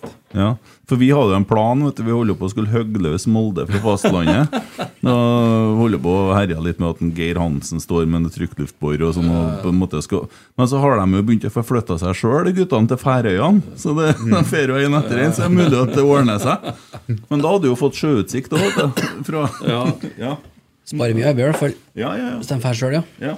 Må bare passe på at ikke jeg er der. Sånn at jeg blir med utover til Færøyene med Molde-flaket. Ja, Det kan hende at det er bruk for deg òg, da. Faglig, men jeg. Med det du jobber med. Ja, det kan, jeg- men jeg vil ikke. Ja, Det er meg, ja. ja det er Ja. du, vet du. Tor Georg, eh, hva er største styrken til årets lag? At vi eh, kommer til å slippe inn en del mål eh, mindre enn i fjor. Det føler jeg meg rimelig sikker på. Mm. Føler du at årets lag har større forståelse for måten man vil spille på, i og med at flere har vært med over en stund, selv om noen har gått ut? Nei eh, ja, Både ja og nei. Altså, jeg tror nok den bak Mm. eh, Der er jo ikke skjedd så store utskiftninger. Det er jo mest midten og frem. Det kan fort bli en del an annerledes enn i fjor. Så det var der største forskjellen ligger, kanskje. Men det detter jo på plass sakte, men sikkert, det òg. Magnus Ulvestad. Det er jo et sånn Ålesund-navn, egentlig. Ja. Han spør kan jeg få komme på prøvespill. Kan Isak Thorvalds- Thorvaldsson kamp om å være sterkest fysisk på laget, og det ser jeg, for han tror jeg driver med bodybuilding. Ja, det er han der, jo. Han fungerer også godt som kjegle og cornerflagg. Men det, der kan jo få låne en Tommy hvis det er manko på kjegler. For når han har på seg oransjejakken sin, så ser han ut som en kjegler. Den ser ut som han er Kenny i South Park. Ja, utsendt for Vegvesenet, han, da. Ja. Jeg har jo en kompis vi kaller Duppen. Ja. For Han ser ut som en sånn fiskedupp. Litt sånn Tommy-variant. ja, ja, artig. artig. Han, eh, det er mange som er interessert i dette veddemålet deres her. da. Ja. Blant annet Gaute Sandvik. Hvordan eh, ligger du an i konkurransen mot en Kent, og har du trua? Ja, trua har jeg, men jeg, jeg har starta litt roligere enn Kent. Nei! Hæ? Jeg har jo ikke starta Jeg, jeg starta jo rolig, Du, ikke, du trener nesten Du trener hver dag, du. Nei, jeg, jeg springer tre ganger i uka. Ja, ja. Ja. Du, har flere økter enn meg så langt, iallfall. Men eh, Jo, jo, men det er jo ikke min skyld. Jeg har tre økter i uka, Ja, men og så springer jeg. Ja, og Nå ble vi spurt om hvem som lå best an, så sier jeg Kent ligger best an er lenge til høsten. Ja. Det, det, der, er- det jeg skjønner at det er derfor han er litt sånn konkurransemenneske. vet du, så blir litt sånn Men jeg starta med jogg et minutt, gå et minutt, ganger Mm. ti. Nå er jeg kommet til det at jeg hadde den femkilometeren i går, la jeg på to og en halv kilometer bare Ja. for å vise meg litt. I morgen må jeg springe en halvtime. Ja, det er bra, det.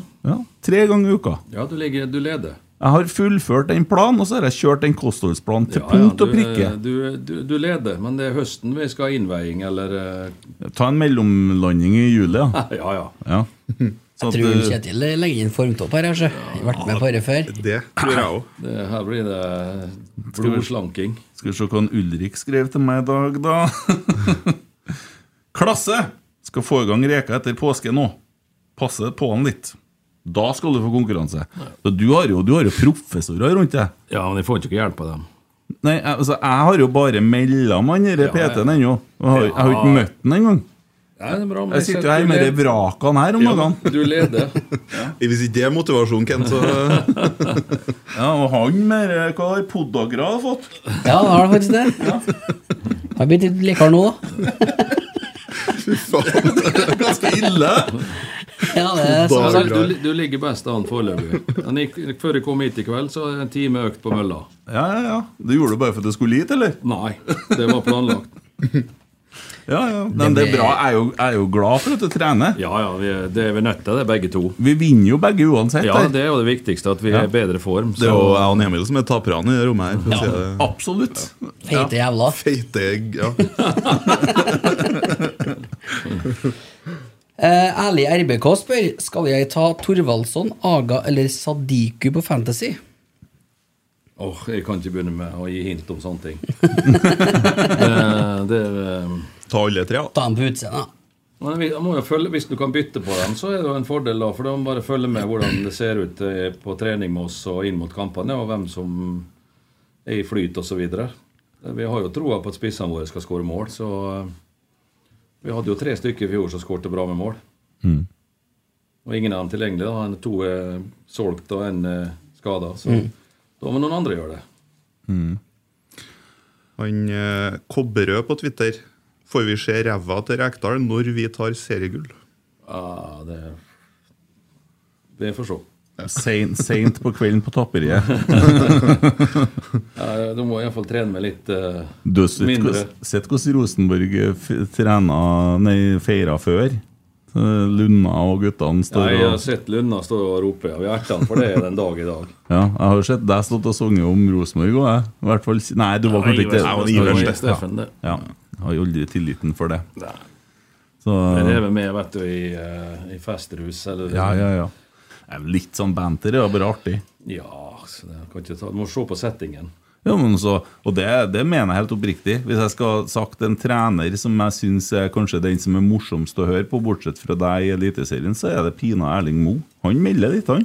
Ja. Og artig den podden med dere to i RB-sporten. Ja da. Det, men det er lett for han vet du, når eh, han er på toppen og melder. Ja, ja. Eh, Vi skal nok melde vi òg til riktig tid, så vi må bare komme oss dit. Ja, men du fikk, Han fikk da noe svar da. Ja, Når det- dere var herja med maten på hotellet? Det, det, det gjorde han. Vi visste at maten der var dårlig, vi, sa han. Men det ser ikke, ser ikke sånn ut, syns jeg. Nei, du må, Når du gir, så må du jaggu meg forvente at du får noe tilbake òg, og ta. Ja, og han bjuda på, han. Ja. Olai Årdal på Snapchat Han lurer på og han sier at jeg må spørre om hva som skjedde mellom Roar Strand og Håvard Flo før kamp mot Italia i 98, der Roar ble skada på oppvarminga. ja, han fikk en ball i hodet. Ja. Og fikk vel en hjernerystelse, og så ble han bytta inn på likevel og måtte ta seg banen igjen, så vi kasta bort et bytte. Ja. Og så hadde Leo, som var veldig tvilsom i tillegg, som, som kanskje ikke burde starta. Han Det var 50-50 starte eller ikke starte. Han måtte jo gå ut med skade. Eller han slo vel opp, eller strekken, eller hva det var for noe, gjorde at han ikke kunne spille videre. da. Så kom Roan inn på, som hadde fått en ball i huet på oppvarminga. En langpasning som traff han, så han var litt sånn svimmel og litt uvel. Mm. Ble han bytta inn på, så måtte han ut igjen. Så har brukt opp to bytter etter eh, en halvtime, tror jeg. Mm. Så vi var litt sjakkmatt i resten av kampen. Mm. Det var den tida spillerne bestemte sjøl om de hadde vondt i hodet eller ikke. Ja, det kan hende. Ja, Apropos vondt i hodet. Ulrik han fikk en ball i hodet på Ja, det- lørdag. Det, det går nok bra. Ja. Men det var ball, sant? Ja, ja. Ja. Jeg tror han var litt uoppmerksom. I, og så, ja, jeg tror det, Han var eh, positiv han på bussturen hjem igjen, så han var oppegående da. Ja. Ja, øh, var litt sånn snodig, for han eh, Eriksen satt på sida av meg. Han fikk jo bare ballen i hodet.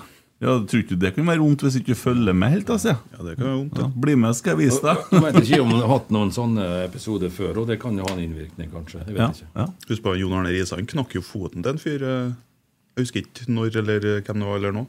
Han ble truffet. Sikkert med vilje, da. Nei. Ja, det var med vilje. Eh, Heinz Andreas Maier på Snap. Først så skriver han Jeg syns du ser mer fitt ut enn Rekdal på dags dato. skriver han Det at du gjør det, ja? Ja, det er- Jeg sa at du ligger foran. Det må fremheves i podden.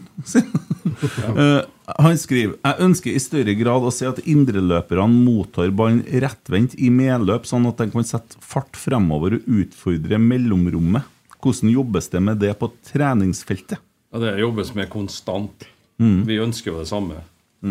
Så, eh, og så er det som, noe som kalles spill mot spill, og så er det presisjon og rytme i, i frispillinga vår. Og, og vendt spillet fra ei side via midten over til motsatt innerløper, motsatt wingback for å få overtall der. Så vi, det er jo ikke noe nytt, dette. Vi ønsker jo klink det samme. Mm. Og så sier han at Per Siljan er god på å sette fart fremover og utfordre når han har mulighet til det. Ja, Det er han. ja, ja absolutt. Mm. Eh, Fredrik Øvrum spør i din tidligere spiller- og trenerkarriere har det vært noen øyeblikk der du skulle ønske at du har gjort ting annerledes? Det var et veldig åpent spørsmål. Ja, det er det jo, men jeg kommer ikke på noe. Det er klart Du reflekterer jo over valg du har tatt, og ting du har gjort, og ting du har sagt. og Det gjør du jo hele livet.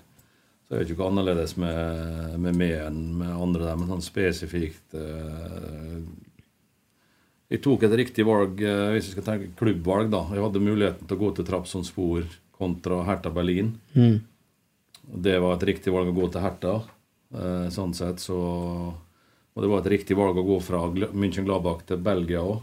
om det var et riktig valg å gå fra Lirse til uh, Rennes, det ja, Kanskje ikke like sikker på det. Men nei, du, i, i, gjennom livet eller gjennom en karriere da, så står du overfor mange vanskelige valg. Så eh, Den største tabben jeg gjorde, kanskje, var at de skrev for lang kontrakt med Lierse eh, når Bossmann-dommen kom. Ja. Det kosta en del. Hvis jeg skal sette det på spissen. Da hadde jeg vært bossmann etter ett år og kunne valgt For jeg ble nekta å gå til både Stuttgart, Queens Park, eh, Bordeaux, eh, Standard Liège. De prisa meg ut av markedet, for da var det jo ikke Da var det klubbene som bestemte. da. Mm. Uansett hvilken kontrakt du hadde, så kunne de si 500 millioner eller 200 millioner eller 100 millioner eller 30 eller hva det skulle være. De gjorde ikke det i mitt tilfelle, da, men jeg, ble, jeg tror de krevde 15 millioner for om jeg skulle gå til Standard Liège. Og det var altfor høyt. I forlengelsen så spør han, eh, og det har du sikkert kunnet snakke om i tre timer, men hva er dine tips til de fremtidige fotballmanagerne? Fotball. Managerne. Jeg blir god på alt. Ja. Det, Det er sånn det er i dag. ja, det, Så enkelt. Ja, så det er jo et eh, komplisert uh, yrke. fordi Hvis jeg skal prøve å ta det opp, da, så for en trener da, som skal forholdes til sportssjef, daglig leder, styre, administrasjon, uh, supportere, media, sponsorer, agenter, foreldre og spillere. Altså Det er jo et virvar av forskjellige interessenter her som, som eh, vil opp og frem og ha ha bestemmelsesretter og trykk på, på, på sine ting. Nå, det, er klart, det er jo interessekonflikt i ett kjør. Så du er, en, du, du, du, er jo i en trommel der det surrer rundt hele døgnet. Alle skal ha en bit av det. Så, og da er det ekstremt viktig at du har et, et fungerende team rundt det. For det, Hvis jeg hadde stått og brølt hver dag på absolutt alt, så hadde jeg brukt meg opp veldig fort. Så du må på en måte av og til ta litt avstand, og så må du være ganske tydelig når du er nå er fremme, og så er det og budskapet ut. da, At folka har troa på det vi driver på med, og ser at det vi sier, gjør vi òg. Og har en, eh, har en fremgangen som gjør at uh, interessen og troa på oss øker. For det er det, det, er det vi holder på med. Vi skal jo på en måte bygge forventninger og forsvare forventningene og innfri forventningene. Men eh, på andre sida så må vi òg være realist. Jeg vet nøyaktig hvor godt laget mitt er. Jeg vil jo aldri sette, hive dem utfor stupet og, og, og gi, gi dem oppgaver som vi vet de ikke klarer å håndtere. Men litt over grensa, det må du. Ready to pop the question? The jewelers at BlueNile.com have got sparkle down to a science with beautiful lab grown diamonds worthy of your most brilliant moments. Their lab grown diamonds are independently graded and guaranteed identical to natural diamonds, and they're ready to ship to your door. Go to BlueNile.com and use promo code LISTEN to get $50 off your purchase of $500 or more. That's code LISTEN at BlueNile.com for $50 off. BlueNile.com code LISTEN. Burrow's furniture is built for the way you live. From ensuring easy assembly and disassembly to honoring highly requested new colors for their award-winning seating, they always have their customers in mind. Their modular seating is made out of durable materials to last and grow with you. And with Burrow, you always get fast, free shipping. Get up to 60% off during Burrow's Memorial Day sale at burrow.com slash ACAST. That's burrow.com slash ACAST. burrow.com slash ACAST. Millions of people have lost weight with personalized plans from Noom, like Evan, who can't stand salads and still lost 50 pounds. Salads, generally, for most people, are the easy button, right? For me, that wasn't an option. I never really was a salad guy. That's just not who I am. But Noom worked for me. Get your personalized plan today at Noom.com. Real Noom user compensated to provide their story. In four weeks, the typical Noom user can expect to lose one to two pounds per week. Individual results may vary. Artig torsdagsbikkja. Basse Riseth. Ja. det, det er så merkelig. Han vet altså så mye om folk, og her er han inni der. Det er, det er litt smalt, men litt artig. Kjetilsen. Frigård har en nabo han daglig må slå av en prat med. Denne naboen er en fiskeinteressert engelskmann. Har du merka betydelig fremgang på engelsken til frikken etter han flytta nordover? Geir, nei. Nei? Nei, jeg driver jo og kjører noen like ord og uttak, eller ord og ord, ordtak på engelsk den da, som han skal gå på ei felle. da. Ja. Den ene er jo don't, uh, 'don't sell the skin before the bear is shot', liksom. Vi skal prøve å få han til å si det. sant? Og så 'eat like a horse'. Så det er jo helt til å fyre han opp, til at han skal komme ja, det er, Smell the space, da. Jeg, jeg, jeg fikk ikke med meg den på det spillemøtet. Nei. Og spilleren hadde fått det med seg, han holdt på å lese her, selvfølgelig. Så etterpå da tok det, man sto og rista på huet. Så det, nei, det går litt i stå. Men det er klart det er ikke så lett da når du skal eh, forklare i full fart på engelsk til engelsktalende spillere, så mangler du kanskje et ord. da. Han Mm. hadde vel den adressa-karen nå. en, eh, Are you in route? Eller et eller annet. Han skulle intervjue en, Stenersen? eh, nei, vet, nei, han andre. Stendal, kanskje? Jeg, jeg vet ikke hvem det var, så han som var der nå eh, etter kampen. Han, jeg tror var Kristal som var intervjua. For at Ja. Mikael hadde sett kampen på toget. Ja. Og da hadde han kommentert det. 'Are you in route?' liksom.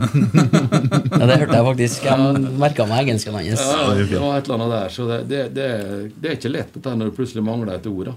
Nei, men jeg, jeg ser jo på treningene Dere snakker jo veldig mye på norsk, og nå er det jo ganske mange på laget som ikke Ja, snakker da. norsk. Ja, men de får, de får coaching på engelsk òg, Ja. Men norsk er jo første Sam har jo en, en, en liten forståelse for norsk. Jeg tror han plukka opp ganske mye. Han har jo Mm. vært i Norge en stund. Og så, og så to islendingene skjønner nok mer norsk, norsk enn vi tror. Mm. Det tror jeg så finnene gjør også. Men uh, de får engelsk forklaring når det, er, når det er viktig at de skal, 100% skal forstå det. ja. Ja. Ser du litt opp til Tore Strømøy? Vi ser opp til han. Hvorfor det? Men fordi at Han eh, drev jo hadde en sånn kampanje vet du, når at han skulle bli styreleder. Sånn, Svenskene skal bort, og nå har du røska opp alt svensk. Det er ikke en svenske igjen, det er bare Jonathan Augustinsson. Og han er nå ikke Han skada han, da. Ja. Nei, altså, Stefano han ville absolutt gå. Ja. Og vi hadde sagt nei mange ganger. Vi hadde ikke lyst til å selge han. Og, men det er jo, det, alt kommer til sin ende på et eller annet tidspunkt. at eh, Hadde vi fått en toppmotivert Stefano hvis vi hadde sagt nei en gang til? Mm. Kanskje, kanskje ikke. Så dette er jo bare sånn den bransjen her er. Når noen går, så må noen komme inn. Så kanskje så tar, kommer en inn og et halvt år frem i tid, så alle sier for et fantastisk valg. Hente inn en annen som slår til, så det gjorde meg Kanskje Jaden er en sånn type. Mm. Så det- Han spilte ikke på lørdag. Nei, vi sparte den, for han hadde litt eh, Litt etterdønninger av stram muskulatur fra forrige kamp mot Haugesund. Ja. Så han hadde trent sånn på slutten av uka, så vi tok ikke sjansen på det. Han heller fikk eh, noen ekstra dager med litt ro, så Mm. en i full trening fra onsdag. Han er en som pusher på å få spille, selvfølgelig. Mm. Ja, jeg gleder meg til vi får se det han virkelig er god for, for det føler jeg ikke at vi helt har fått fram ennå, men det beit jeg skjer. Han er den raskeste, raskeste spilleren i Rosenborg. Ja, ja det, det er ikke noe tvil om. Nei. Eh, Bringsdal spør på Snap uh, Hva gjør du for å koble av? Du har jo vært aktiv spiller, så rett eh, til treneryrket virker som du alltid er på. Trenger ikke avkobling? Jo da, jeg prøver å lure meg litt bort innimellom. Uh, Sette meg i sofaen, kan se et program, uh, huskestue, kan være sitte og le litt av. Jeg var jo med sjøl og følte meg så dum som aldri før. Mm. Litt gamle klipp kan du se. Litt forskjellig. Plutselig ser jeg en film. Noen, når familien var sist, så kjøpte de jo et uh, puslespill på to, 2000 brikker. Ja. Som jeg og fruen la ferdig i går. Ja. Så det har ligget på kjøkkenbordet i en måned, så jeg har vært litt bortpå innimellom. Du finner jo på ting, da, så men jeg tror det viktigste er å, å samle tankene dine og samle energi og overskudd. at i den jobben her har du ikke nok energi, så blir du avslørt. Mm. Så du må være på. Mm. Ja, det er jo folk som har blitt sykemeldt her før. Både sportslige ledere og trenere. Ja, jeg var jo innom disse ti eh, bolkene som du må forholde deg til. Det, er ganske krevende. Mm. Syns du vi er krevende? nei, det, nei, men altså det, å være her er jo Jeg tror det er viktig å ha kontakt med supporterne også. De får se at du prøver å etterleve det du forteller. Mm. Eh, så jeg har ikke behov for å gjemme meg eller være redd for noe. Jeg sier det som det er, og det, ærligheten kommer fremst. Ja, for du, du forteller at du treffer folk på byen, på Meny som kommer og snakker, og du tar diskusjon der, og du får meldinger og mailer, og du svarer, og du stiller opp både her og Nei, jeg har ikke svart Neven Viken, nei, det har jeg ikke gjort. Nei. det har jeg ikke gjort, men, eh, nei, men det er jo eh, Men du er jo altså På en eller annen måte så er du kanskje det første ansiktet utad for Rosenborg som klubb. Da møter du med treneren som får ganske mye oppmerksomhet og blir fotfulgt eh, på all slags mulige greier. Mm. Og så er det jo folk rundt som vil ha kok. Mm. Som prøver å påvirke og få oss ut av fatning. For det at negativitet det er jo det folk vil ha. Mm. Aller helst. Ja. Og da jakter de det. Ja. Så må du på en måte avverge det og verne om det du faktisk holder på med og, og står for. Så eh, det er klart at det å, å kjefte opp spillerne eh, for at de slår en feilpasning eller det, det kommer du ingen vei med, men eh, du kan være ganske krass hvis det er mangel på disiplin eller lojalitet. Mm. Det er noe helt annet. Men uh, hvis du mislykkes Jeg vil jo at spillerne skal prøve. Om de mislykkes, så prøv igjen. Mm. Da vil du klare å, å lykkes til slutt, iallfall. Ja. Men du har ikke alltid vært litt en som eh, både Du var jo kaptein på landslaget og i Herta, og husker jo når du var eh, i Vålerenga, så var det jo den som ble intervjua etter kampene. Og Ja, det er jo mange som eh, er veldig raskt ute, da. Som, som markedsfører seg sjøl med å rakke ned på, på mine ting. Det er en gjenganger. Men han eh, i forhold til media har jo tatt det veldig sånn annen retning i forhold til at uh, for kanskje ja, Drillo-tida da, så var det mer sånn at media dekket nyhetene. Nå har vi bikka mer over til at uh, man i større grad skaper nyhetene. Ja. Altså de fremprovoserer Ja, ja, de gjør det. Ja. Det er en helt annen verden. Ja. Ja, og det er jo det liksom erfarer og, og synsing. og Vi har jo eksperter som aldri har sett på verken trening eller gjort grunnleggende søk i materien de prater om. nå. De sitter bare og blåser ut påstander sånn uforplikta. sånn, Det syns jeg er dårlig. Mm. Altså Hvis du skal påstå noe, så må du ha grunnlag for det. Mm. Og Det er tydelig at det er, det er lov å kaste ut påstander uten liksom å ha bakgrunn for det. Det syns jeg er litt merkelig. men altså. Ja, jeg fikk jo litt kjeft for at jeg påsto det at erfarer er copy-paste. Fordi at når du ser, da, eh, sånn som eh, han eh, Dragen, nå som vi kaller han, Mm. eh, så er det plutselig én som erfarer det. Det er noen som har snakka med noen. Og så er det da 20 forskjellige aviser eller mediefolk som erfarer det samme etterpå. Og samtlige hevder å ha egne kilder på det. Det er godt gjort i så fall. Ja, Det er jo helt merkelig. Ja, nei, Robin sier Stå på, Kjetil. Dattera mi på ti har begynt å synes at det er gøy å dra på Lerkendal med pappaen sin igjen. Det betyr noe. Det betyr veldig mye. Mm. At vi har alle aldersgruppen der, og at, uh, at vi har eh, stor trivselsfaktor på Lerkendal. Det, vil- det vil aldri og det, det, det, det virker jo som enkelte har glemt at selv i storhetstida til Rosenborg så var det jo dårlige kamper og tap. Eh, skuffende prestasjoner innimellom. Men eh, så kom jo over hele sesongen Rosenborg til sin rett. da. De har hatt sesonger der du starta med ett poeng etter to kamper og to poeng etter fire kamper.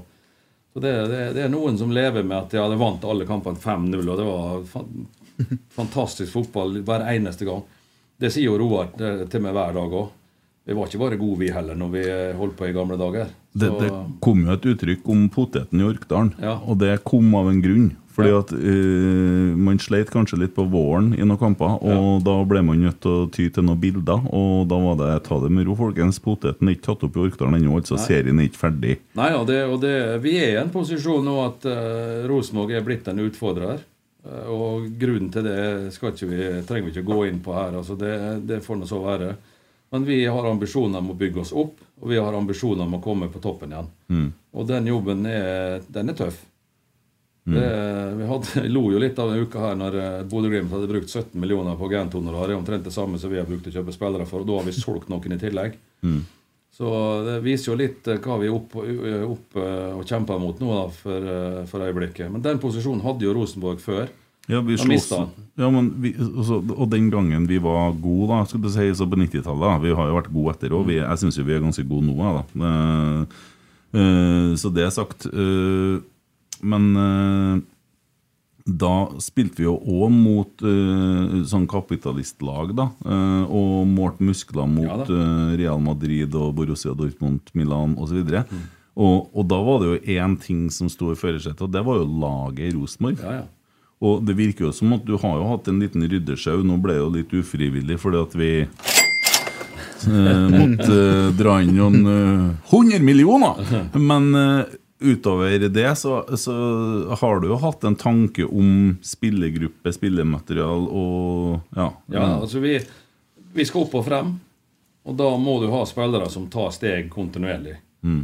Uh, og noen, gang, noen ganger så er det noen som tar for raske steg. da. Jeg kødda litt med det. Hadde visst det jeg visste, så skulle jeg, begynne, da skulle jeg bytte ut Kasper oftere og tidligere. så jeg kunne fått beholdt den her litt lenger. da, Men eh, nå er han borte av historie. Han har gjort at, eh, at økonomien og tryggheten eh, rundt klubben er stabil. Mm.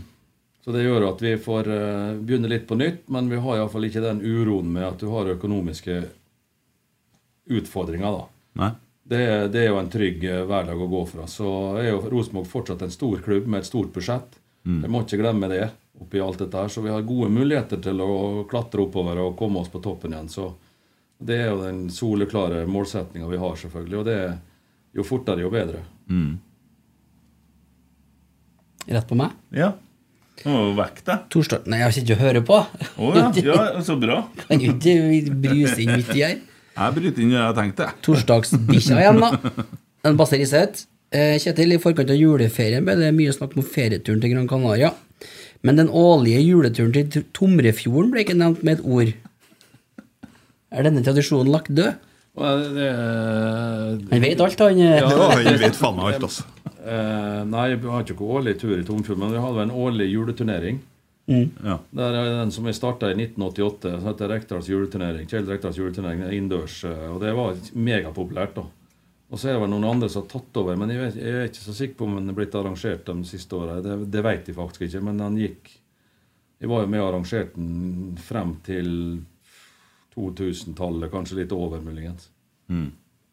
Men den, har vært, den, den, eh, den er populær. Så det var den de tenker på, tror jeg. Han har sikkert vært der, vet du, for dette her er en gammel FK Fosen-helt. Ja. Basse Riseth.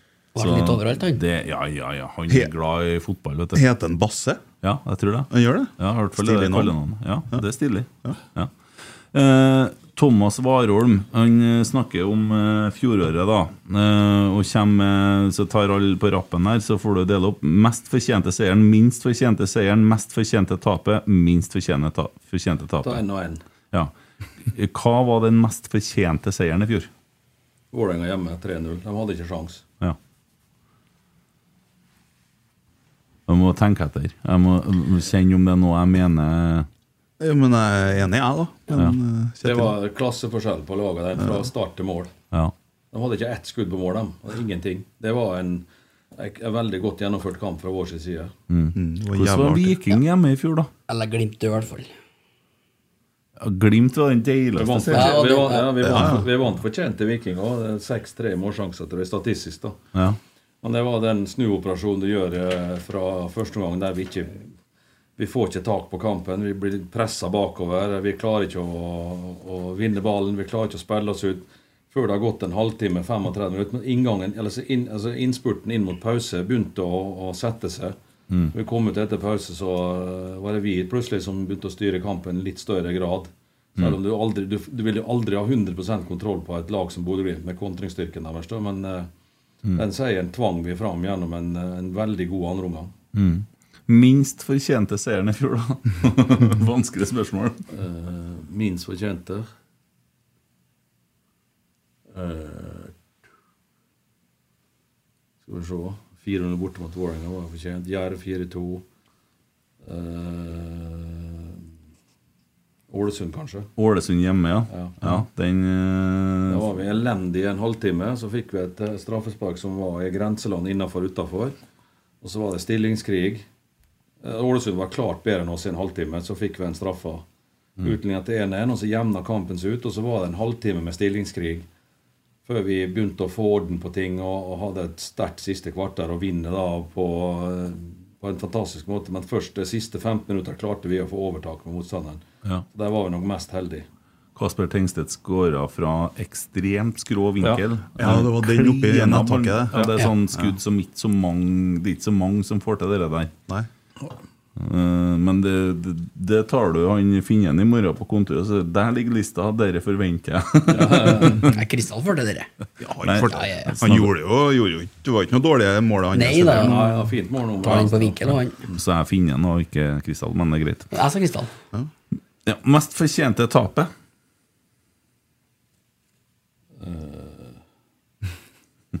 Jevnt i Molde, tapte 2-1. Eh, Strømsgodset. Mm. Ja. Ja. Det var helt forferdelig i første omgang. Ja. Men det, det komiske med den kampen her, da, det er at når kampen er over, så hadde vi høyere XG Mm. og flere skudd på mål enn Strømsgodset. Men vi tapte sjanseløst fordi at du, du ligger under 3-0, og de hadde vel et stangskudd. Det kunne blitt fire. Så eh, noen ganger så kan du òg sette ned og se på statistikken og, og se om det var så ille som du føler. Noen ganger så kommer du bedre ut. Mm. Andre ganger så har du vunnet en kamp, så ser du oh, her var vi heldige. Mm. Så det, det skjer jo det, men der var vi grusomme i første omgang. Altså, det var helt forferdelig. Men det, det, gjorde- det bomma vi på laguttaket òg, for vi hadde mye sånn småsykdom og litt småskader inn mot kamp. Og vi valgte å starte med en del av dem, og det skulle vi aldri gjort. Vi skulle satt inn på friske folk fra start av. Var det den kampen det var snakk om at det var litt sånn dårlig oppvarming? Ja, det var dødt på oppvarminga. Altså, det, er, ikke nødvendigvis- det oppvarminga er dårlig, men du, du bruker jo oppvarminga til å bygge opp til kamp. da. Vi gikk ut og varma på helt flate, og når vi skulle ut på banen, så var vi helt flate. Og hele første omgangen så var vi totalt flate. Og andre gangen så var det var liksom krampetrekninger, på en måte. Det var meget svakt gjennomført kamp. Selv om du statistisk sett var mye jevnere med skudd på mål og, og målsjanser og sånne ting, så tilsa ikke det at du skulle tape 3-0. Men helheten i det var jo sjølmål etter 40 sekunder. Ja, det var det. Og livsfarlig hver gang Strømsgodset kom over midtstreken, liksom, føltes det ut som. da, så ja. Mm. Du får dessverre en eller to sånne i løpet av dette året. Får håpe at vi ikke får det i år. Mm. Minst fortjente tapet, da? Eh, Lillestrøm, egentlig. Ja. For det, Der var vi best. Ta ledelsen. Så har vi et 15-minuttsperiode der vi er fullstendig på hælene. Og resten av kampen så er jeg helt jevn. Ja. Statistisk sett så skulle vi hatt minst uavgjort. Mm. En Tromsø, da, borte. Nei, vi var på hælene. Vi kunne ligget under 3-0 der. Ja. Jo, dæven. Til å begynne med. Ja, det stemmer. Tromsø var god den kampen. Ja. Ja. Vi, det var det. Remi Sjøbakk spør hvor har han kjøpt skjerfet på bildet. Det er det bildet. Ja, Jeg vet ikke, jeg fikk det vært i jul eller en bursdag med noen. Jeg Mm. aner ikke hvem fra. Mamma eller Anne Guro eller Vi sier Frost, da. svigerfar, å- svigerfar eller svigermor. Jeg aner ikke. Vi sier Frost, for Ja, vi støtter Frost litt av det partner. Ja. Og, ja, Ja. Frost. Ja, svaret er Frost. Han, eh, Christian Kielland spør eh, hvilke spillere fra dine tidligere klubber som trener hadde gått rett inn på dette RBK-laget. Det spørs hvilke posisjoner du ser etter, da. Erik Hagen eh, var jo et bauta i. Hagen, ja. Panserhagen. Ja. Det var forsvarsspillere som ofra seg. Eh, men det er ikke sikkert de har vært like gode med ballen som kreves mer i dag enn Mm. for eh, 15-16-17 år siden. Kristian Grindheim i, i eh, første perioden sin i Vålerenga hadde sikkert kommet med. Barantes i Ålesund hadde sikkert kommet med. Ja. Eh, Ulvestad, Fredrik Ulvestad, i sin ung, Jason Morrison i sin unge tid, når han var i starten av 20-åra. Det var gode spillere. Så vi hadde kanskje den beste midtbanen i Ålesund med Barantes, Ulvestad og Morrison. Mm. Men vi hadde ikke spiss, da. Vi spilte jo med Edvard Skagestad på topp.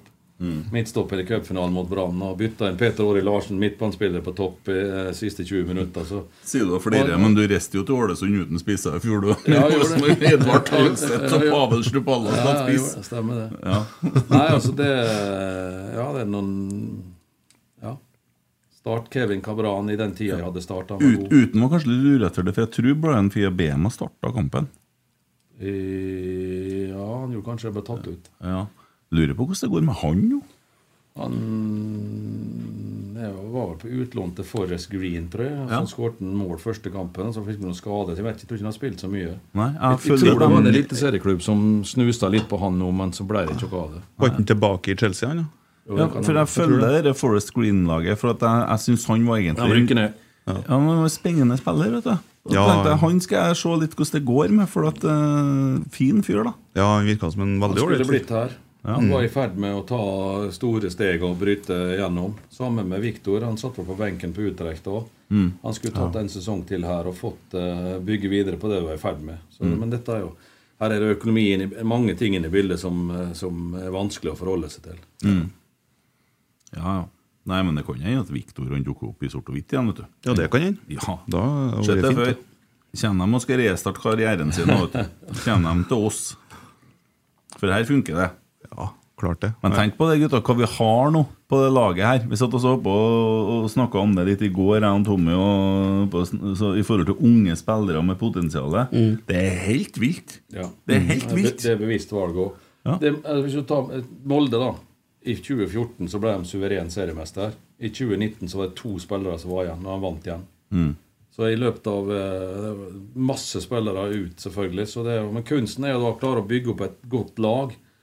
Som, som om du mister én eller to, så er du fortsatt et godt lag, istedenfor at du blir eh, ja, Sånn som blir, vi blei nå, da, med både Viktor, Ole skada, Carlo skada og Kasper ute, så er det klart at hele den kvartetten da, Så var Olaug spilt over 20 kamper. Mm. Så øh, vi, hjertet i laget offensivt da er Mm. på en måte ingen igjen av. Nå er jo Carlo forhåpentligvis i, aktuell igjen. Men resten rundt der er jo borte, så da må noen nye inn. og Det, kan slå til med en gang, men det kan også gå litt sånn humpete i starten. Det, det vet du ikke. Så da Mm. er det viktig å ta nok poeng. i hvert fall. Ja. Tor Georg spør om du kan legge opp til løpsduell mellom Frigård og Kopperud og få dem med på innsiden. Det er, Jeg prøver. det, det er verdt det. Ikke å strekke. Geir ble løpt forbi i fjor, da. Men Kopperud. Ja. Jeg tror Geir taper lett, gitt. Ja, en... Kopperød er jo sprek, han. Ja, og Geir er hjulbeint òg, vet du. Han springer så rart. Eh, Adri spør eh, litt langt spørsmål, men vi kan jo ta essensen av det. Hva er grunnen til at dere utelukkende har valgt svak motstand i oppkjøringen, altså lag vi i utgangspunktet bør slå uansett, og hvorfor ikke bortekamper utenom Spania? Eh, skjønner at det er reisevei osv., men problemet i fjor var jo prestasjonene, resultatene, borte. Vi har vel møtt eh, Jeg vet ikke om vi har møtt bedre lag i år enn i fjor, da, for så vidt. Dette har jo med, med planen til andre klubber. Det er klart Vi skulle gjerne kanskje spilt en treningskamp mot Bodø-Glimt, kanskje en treningskamp mot Warring eller kanskje en treningskamp mot Brann. Men det er jo sånn, alle legger, legger jo sine planer, og, og, og den datoen som eventuelt er ledig for oss, er kanskje ikke ledig for noen andre. Da. Så det er jo en kabal som, som alle legger, og så er det forskjellige tidspunkt å reise på treningsleir. Vi dro på treningsleir i eh, i januar og ønska å begynne på Gran Canaria. Når vi kommer tilbake, så er kanskje de lagene Mm. som vi kanskje gjerne skulle spilt mot, da, ikke tilgjengelig. Så det går litt mer på det, da. Eh, Men, og, og det å spille i Trondheim er jo for at vi reiser nok. Ja. Det er, vi har enormt mye reise, og det kan bli mye reise i sommer òg. Forhåpentligvis da i Europa at vi får mange borteturer der. Mm. Og det er, jo, det er jo en slitasje, det å, å kjøre ut på Værnes, sette seg på fly og reise og være borte i en dag, to dager, så tilbake skal spille kamp gjennom tre dager. Mm. Så vi har på en måte spart litt på, på reisevirksomheten, og så ønsker vi å spille her, så vi har litt om ro og fred. Det, det går mest på det. Altså, ja, vi kunne helt sikkert uh, fått tak i bedre motstand innimellom, men det har blitt sånn at det som er tilgjengelig, har vi måttet ta. Mm. Ja. Ingen av dem var så god som Raufoss i fjor. Nei, det er sikkert. Ranheim. Ja, Ranheim. Ja, men Ranheim var ikke så god som Raufoss var i fjor. Tapte jo 3-0 i fjerde. I fjor, ja. Ja. Eh, 1-1 i år, da. Ja, jeg har fått inn en, eh, en snap her. Stemmer det at du hadde sjansen til å gå til Leeds? Ja. Ja. Oi. Oi, ja. Det, når jeg satt i bilen på vei til renn, da ringte Rune Hauge og sa at uh, han hadde prata med Howard Wilk- Wilkinson, som sa at du må vente. Så sa jeg, men nå, dette er jo ett på natta, sikkert når jeg sitter i bilen og kjører, vi vil være fremme i 50, så jeg da må, det, da må det komme noe i morgen tidlig. Jeg kan ikke komme hit og så si, for da kan jeg pushe og si at jeg er ikke fornøyd med tilbudet. Jeg kan jazze det opp såpass at det blir vanskelig. Men uh, da kom det ikke. Så det uh, jazza opp litt renn, men jeg, det, da ble det renn istedenfor å vente en dag eller to til. Det tror jeg hadde blitt upopulært. Mm. Da måtte jeg dra tilbake til Belgia, og det hadde jeg ikke lyst til. Nei. Det var en Arne Geving som spurte, vel å merke. Greit det jo da, få, få den tikkende inn. Det er favorittklubben, ikke sant? Ja da. Ja. Men, det, det, altså, det er jo ikke helt riktig, da, men det var signaler på at de ville komme. Men eh, Hadde de virkelig villet, så hadde de sikkert Ja. eh, kommet på formiddagen eller på natta der da, og sagt at her, sånn og sånn og sånn. Eh, men i og med at det ikke skjedde, så kanskje hoppa de av, eller hadde ikke forberedt seg godt nok, eller jeg vet ikke. Det er mulig å se, men Rune Hauge var i hvert fall veldig tydelig på at at Leeds skulle, skulle legge inn en, et tilbud på meg. da. Mm. Hvilket årstall var det? Da jeg dro til renn i 1995 96, 96, Sommeren 96. Her har jeg fått inn et bilde fra en som heter Lars BV på Mm. Snapchat. Er det Apache-sykkel du har der? Det kan godt hende. Ja. Det var første sykkelen jeg hadde. Ja. Den var tøff. Ja. Apache-sykkel var greia, vet du. Ja. Jeg hadde lyst på sånne, men jeg fikk ikke. Det var asfalt, vet du, så det var ganske kult å sykle rundt med der. Og så er det ganske flatt på Rekdal, så du kunne få ganske bra fart. Skulle på butikken, det var liksom ett og et halvt minutt. det. Mm. Erik Slørdal Skjemstad. Da det var i Vålerenga, ble det mange oppgaver og mye ansvar, og det ble kanskje litt letta da Deila kom og ble trener og du kunne bli sportsdirektør. Er det nok spredning av oppgavene i Rosenborg, vil jeg tro? Han spør videre. Ja, altså, jeg satt jo med alt. Mm. Eh, Jeg var både sportssjef, trener, hjalp til på sponsor, hjalp til administrasjon. Hjalp til med eh, å legge til rette for spillerne. Så det var, jo, det var jo altoppslukende. Så det er klart det er jo ikke gunstig over tid. Men nå var jo Vålerenga i en katastrofal økonomisk situasjon, så det ble jo en, en eh, Ja, vi tok i begynte, så hadde Vålerenga et budsjett på 120-130 millioner. Da jeg slutta, så var jeg 60. Mm. Og I mellomtida der så klarte du å holde laget på den legendariske sjette-sjuendeplassen som du snakka om hvert år. Og, og eh, hadde et salg på Vidar Ørn Kjartansson bl.a. Og ja, Sander Berge kom i, i, Så at du fikk to store salg som gjør at du fikk nulla det ut. Og så når Ronny gikk, så ga klubben gass igjen. Da heva de vel sportslige budsjettet med 30 millioner, tror jeg. Mm. Men det ble ikke noe bedre. Nei, 30 millioner nå, det er ikke det samme som da. Nei, men da er 30 millioner på sport ganske mye. Ja. ja. Tony Strand spør Hvis Reka er freda, og hvor lang tid trenger han på å gjøre Rosenborg til et mesterlag, og hvilket europeisk topplag tar han da over? Nei, Jeg har ikke noen tanker om fremtida i det hele tatt. Jeg er 100% dedikert til den jobben her. For hvis du begynner å tenke på noe annet, så er du, da får du ikke gjort det du skal gjøre. Jeg er veldig fornøyd her, og jeg trives godt. Og så vet jeg at det er en gigantisk oppgave som ligger foran oss. Mm. Med å få Rosenborg helt til topps igjen. Vi var godt på gang i høst. Nå må vi begynne litt på nytt. Det er ikke dermed sagt at vi eh, går nedover, men eh, det, vi har to beintøffe konkurrenter i front av oss som vi eh, svært gjerne skal rive ned fra, fra hesten deres, jeg tenkte å si, eller fra Mm. øverste pallplassene. Ja, ikke si trona. Tobias sier at Gjøran òg var på tur til, til Leeds en gang, mener han. Det har jeg hørt. Ja, det kan godt hende. Ja. Og så får vi spørsmål fra Gerd Ingrid Samskott Hagen. Hun vet hvem søskenbarnet ditt Rolf Rekdal er, for så vidt. Eh, eh, kan du gi oss et hint om startelderen mot Viking? André Hansen. André Hansen står i mål. Det er, den avgjørelsen er tatt. En Er det, ja? Ja. Men det, vi kommer jo til å gi kamper til eh, Sander òg. Mm. Skal han ta steg, så må han. Han fikk jo kampen mot Viking, Mm. blant annet. Det er en fin test for han, og da hadde han jo akkurat stått en bra med kamper inn mot den, så han gjorde det greit. Han, han, eh, han gjorde, gjorde det vi forventa av ham. han kommer til å få spilt kamper i, gjennom sesongen. Og så er det, det er jo en konkurranse der. Det er jo ikke sånn at vi har en første keeper og en andre keeper. Nå er det mer at det er to stykker som eh, begynner å er på tilnærmet likt nivå. Mm. Og Sander er fremtida, og skal han utvikle seg, så må han spille kamper. Men det, vi får bygge den inn sånn sakte, men sikkert, og så får vi se hvordan det går. Mm. Det er vel en Julian Foye Lund som er ledig oppe i Bodø snart. Og ble ikke som han har tenkt. det der. Stakkars gutt. Ja. Uff, jeg så han var ute og uttalte seg her. Ja. Ja. Nei, men det der er jo skuffelse, det. Og det gikk jo ikke lange stunder. Er Rett inn med haiken i kampen i går. Så. Ja. Han var borte i 70 dager, tror jeg, noe sånt, haiken. Og det er jo lenge til å være Bodø-salg, så ja. Ja. Nei, det der Men de gjør jo det er jo sånn Det var jo sånn med han eh, midtbanen òg, i Ja. fjor. Ja, ja, ja. Berg kom hjem. Ja. Jo, jo, jo. Akkurat Elias. Hagen, ja. ja. Nei, men altså, og det er jo sånn De fikk jo til å være borte i to landskamper. Det var bra de var såpass tett. Hvis ikke så har de henta dem hjem imellom. De får ikke lov å være borte så lenge. eh, Men sånn er det nå. Nei, jeg, jeg, jeg skjønner elveren, jeg. Jeg klarer å plukke ut uh, sju rette, ja. Kan, kan du ta den, Kent? Ja. Eh, Leo Kornic, den er safe. Og han har for så vidt blitt veldig stabil og jævlig god. Adrian Pereira sier seg sjøl for at Edvard Tagseth er skadd.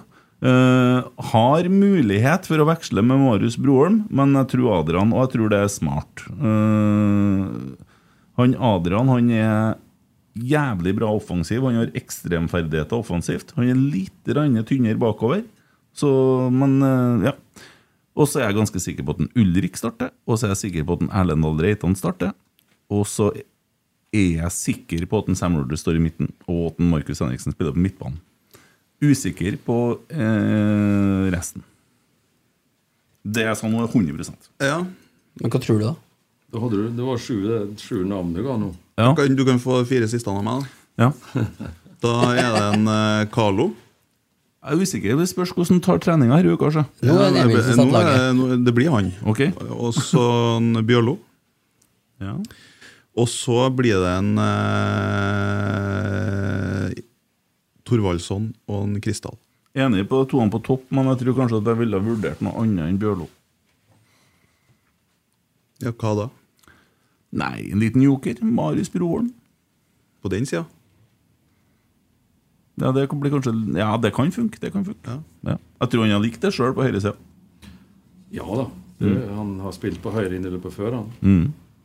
Kjetil har jo joker siden, så Ja, jeg gleder meg til den, eh, eh. ja. Fikk, fikk laget der nå, det der er bankers. Men vi har jo ikke sett noe til Dragen ennå. Det- Plutselig så står han og blåser ild han vet du, på Lerkendal, er Ja, altså, hvis han skårer ti mål eh, i halvtimen på trening, så er det jo sikkert vanskelig å ikke eh, gi noe, i hvert fall første mm. serierunde. Ja. Kan jo sette den innpå. Fredrik Fredriksen, lange baller. Jeg roper høyt hver gang det poles langt og ganske uadressert når forsvarsspillerne og keeper er bitte litt under press. Klikker dere også, eller er det jeg som er idioten her? Det var sikkert en blanding, tenker jeg. Ja. Uh, det er jo lov å bruke en langball for å vinne terreng. Men hvis den er upresis og uadressert, så er det jo ikke lurt. Mm. Så vi hadde vel en, eh, en skåring i Skien i fjor der uh, Reitan breisida inn en ball fra Carlo. Mm. Og Det er jo et lag som kommer og presses høyt, så blir det jo eh, strekk i deres lag og åpning. Så du men da må du treffe spissene dine. Mm. At de fanger inn ballen og legger ned til rettvendte indreløpere og to wingbacker som kommer som kuler. Og Det var jo et innøvd trekk. eh, med motstanderen går opp, André det er låst av vingbekkene eller vingbekkene er låst av, sidestoppene er låst av, og, og ankeret er låst av. Så at du slår over dem, og så opp på en av, spissene dine som fanger inn ballen, slipper ned. Mm. Ole spilte av Carlo gjennom alene, tror jeg. Mm. så Erlend allerede på vei fremover når den pasninga gikk.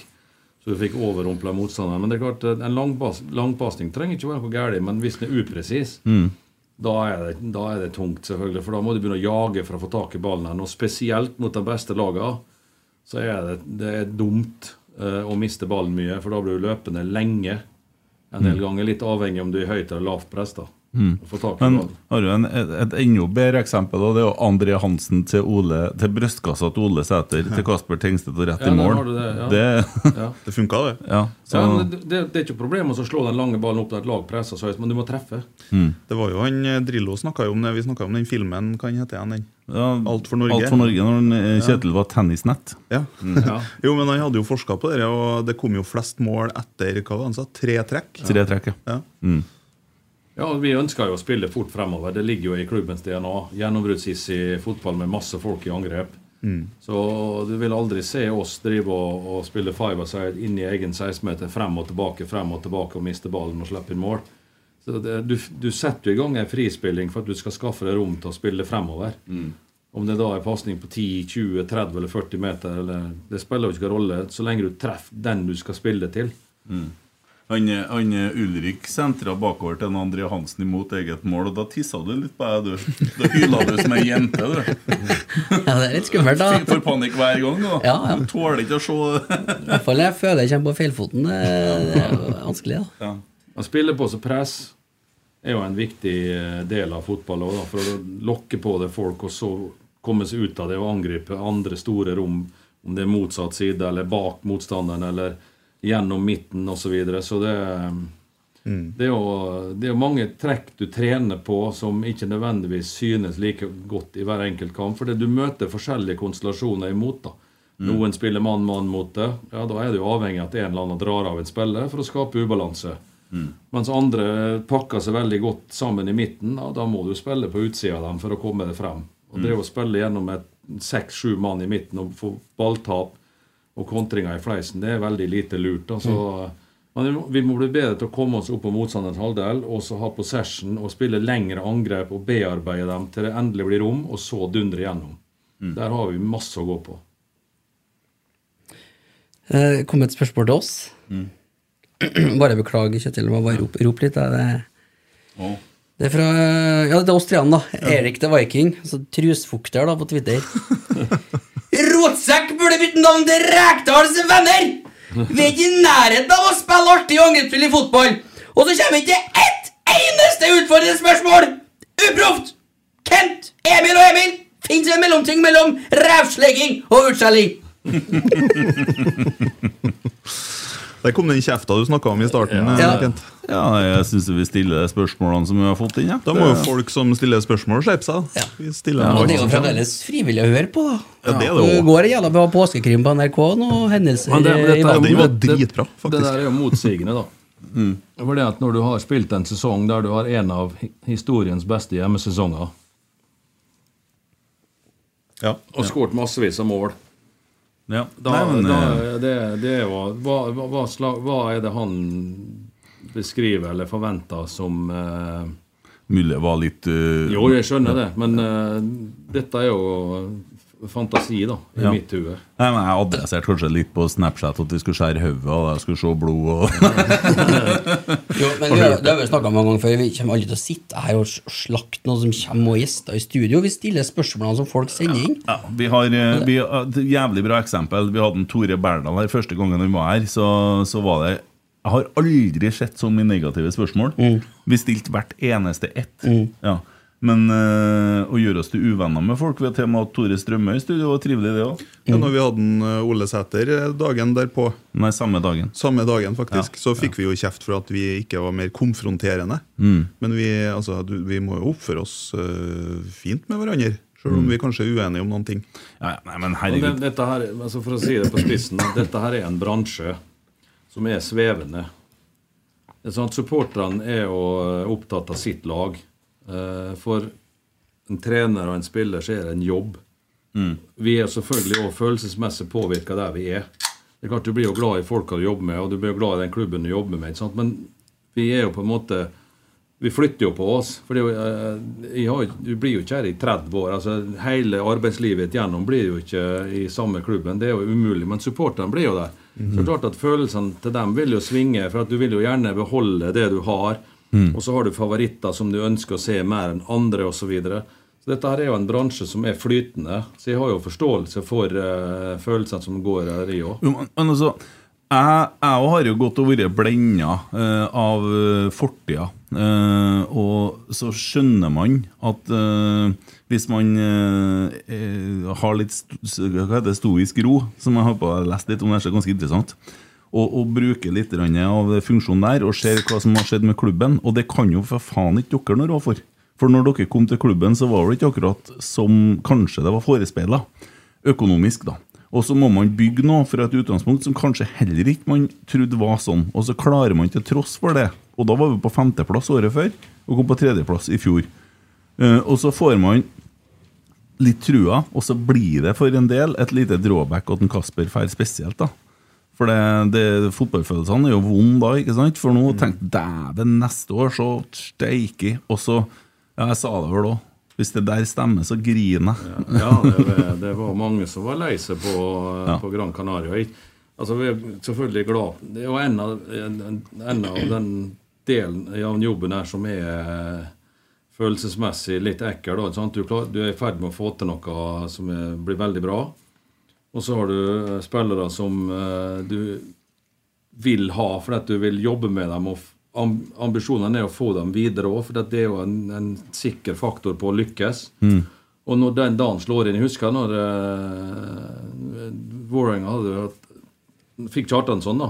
Mm. Kjøpte den for ingenting eh, omtrent. Jeg tror det var én million kroner. Vi solgte Torgeir Børven til Heerenveen. Og vi klarte å holde Kjartansson i varm i to måneder, for klubben var jo egentlig økonomisk eh, så kjørt. Mm.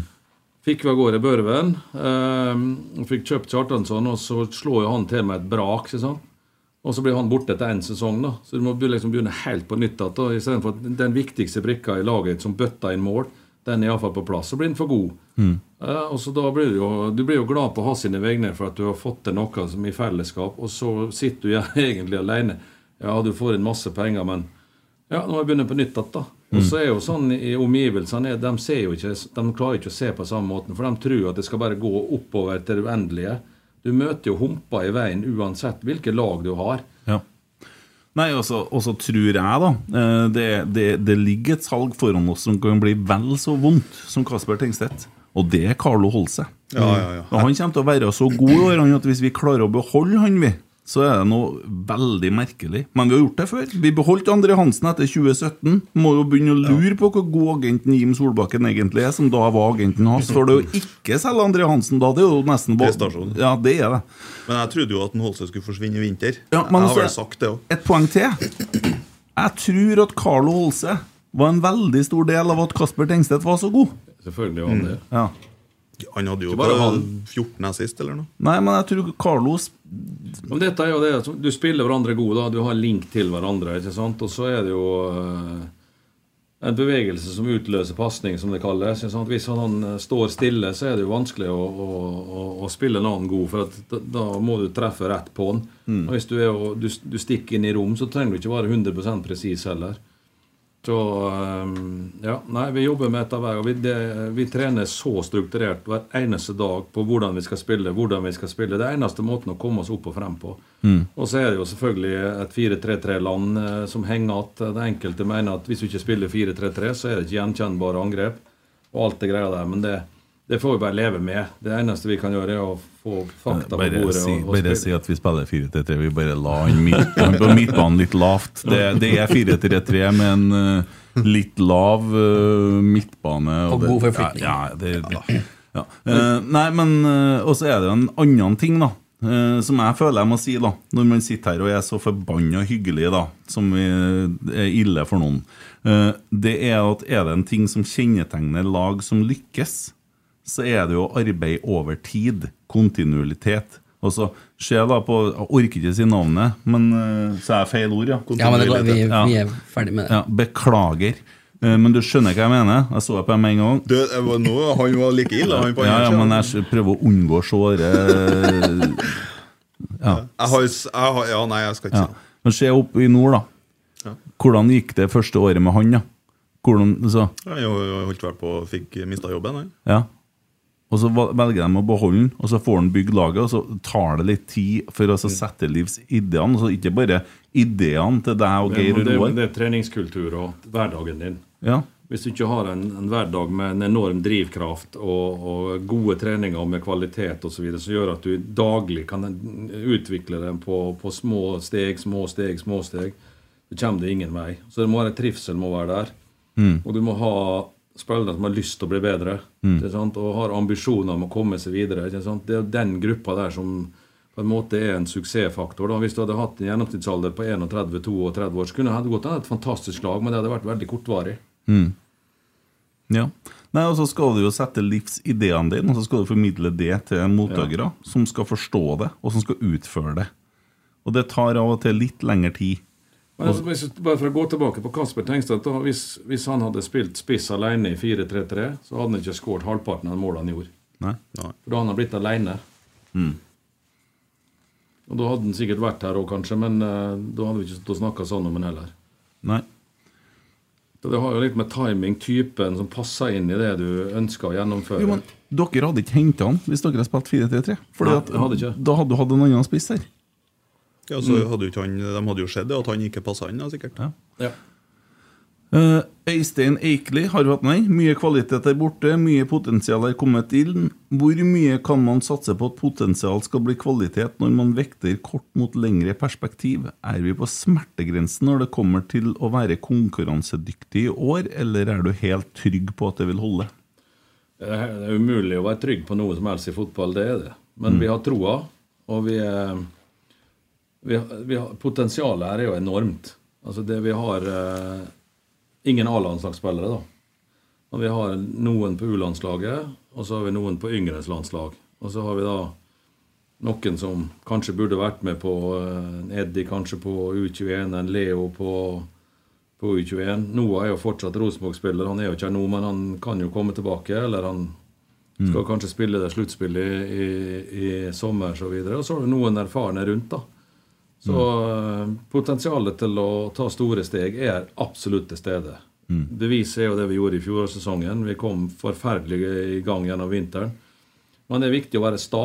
Hvis du Mm. begynner å kaste rundt på ting og skal endre fra uke til uke, da, da stopper det opp. Mm. Så her må vi bare være trygge på oss sjøl og ekstremt sta på at den veien vi går, den kommer å bringe oss til topps igjen. Ja. Eh, Jeg hørte jo en annen podkast her, og noen eh, prøver seg jo litt hardere der. Men jeg hører jo at de eh, tidligere har meldt at det er ingen profiler igjen på Lerkendal. Er du enig i det? Det er bare tull. Profiler kan, kan du dyrke fram. og Profiler får du jo på, på mange mulige måter. Du kan få på banen, du kan få utafor banen. Og du kan få begge deler. Så eh, vi har eh, Men det er sånn når noen drar, så, an, så kommer andre frem i lyset. Og den muligheten ligger jo egentlig dekka til hele spillestallen. Når du har hatt en lang oppkjøring der alle starter med blanke ark, har like, muligheten til å vise seg frem både på treningsfeltet og i, i treningskampene, og så kommer du til første laguttaket, så det er kamp én. Mm. Eh, Det kan bli, fortsatt bli opp mot, eh, opp mot 50 kamper Mm. med full uttelling, og da er det mange som har muligheten til å vise seg fram gjennom sesongen. Ja. Jeg sier som Nils Arne Eggen, vi får ha håp til det motsatte er bevisst. Ja. Og han som sa det. Det er morsomst, det, vet du. Det er morsomst å ha trua. Ja, Det er jo en grunn til at jeg tipper Rosenborg på førsteplass. Ja. Jeg tror jo det. Ja. Hvorfor skal jeg sitte her og håpe at vi blir nummer tre, da? Feite gris. Dette er jo samme, dette er jo samme med hele spillestaden og hele klubben. Vi har jo ambisjoner og motivasjon til å komme på toppen. Mm. Vi trener jo ikke for at vi skal peile oss inn på en, en lavere plass på tabellen, men prestasjonen på hvordan vi, hvor mye vi fikk ut av potensialet som ligger her, det, det vet du ikke før sesongen er over. Jeg mener jo at den sesongen som gikk, det laget som hadde soleklart størst fremgang og utvikling, var Rosenborg. Ta vinteren, ta starten på sesongen, første ti kampene. Ja, vi hadde noen, noen blemmer innimellom på, fra sommeren og ut da. Vi, vi tok 31 poeng på høsten og 25 på våren, så forskjellen er ikke så stor. Nei. Det er seks poeng. Og så var det fire tap på høsten og to på våren. Så det, det, det er mange sånne myter som du kan avlive hvis du setter ned og ser, ser på fakta. da. Men potensialet til å bygge videre, det var stort. Mm. Og så ble det litt, uh, en liten omvei.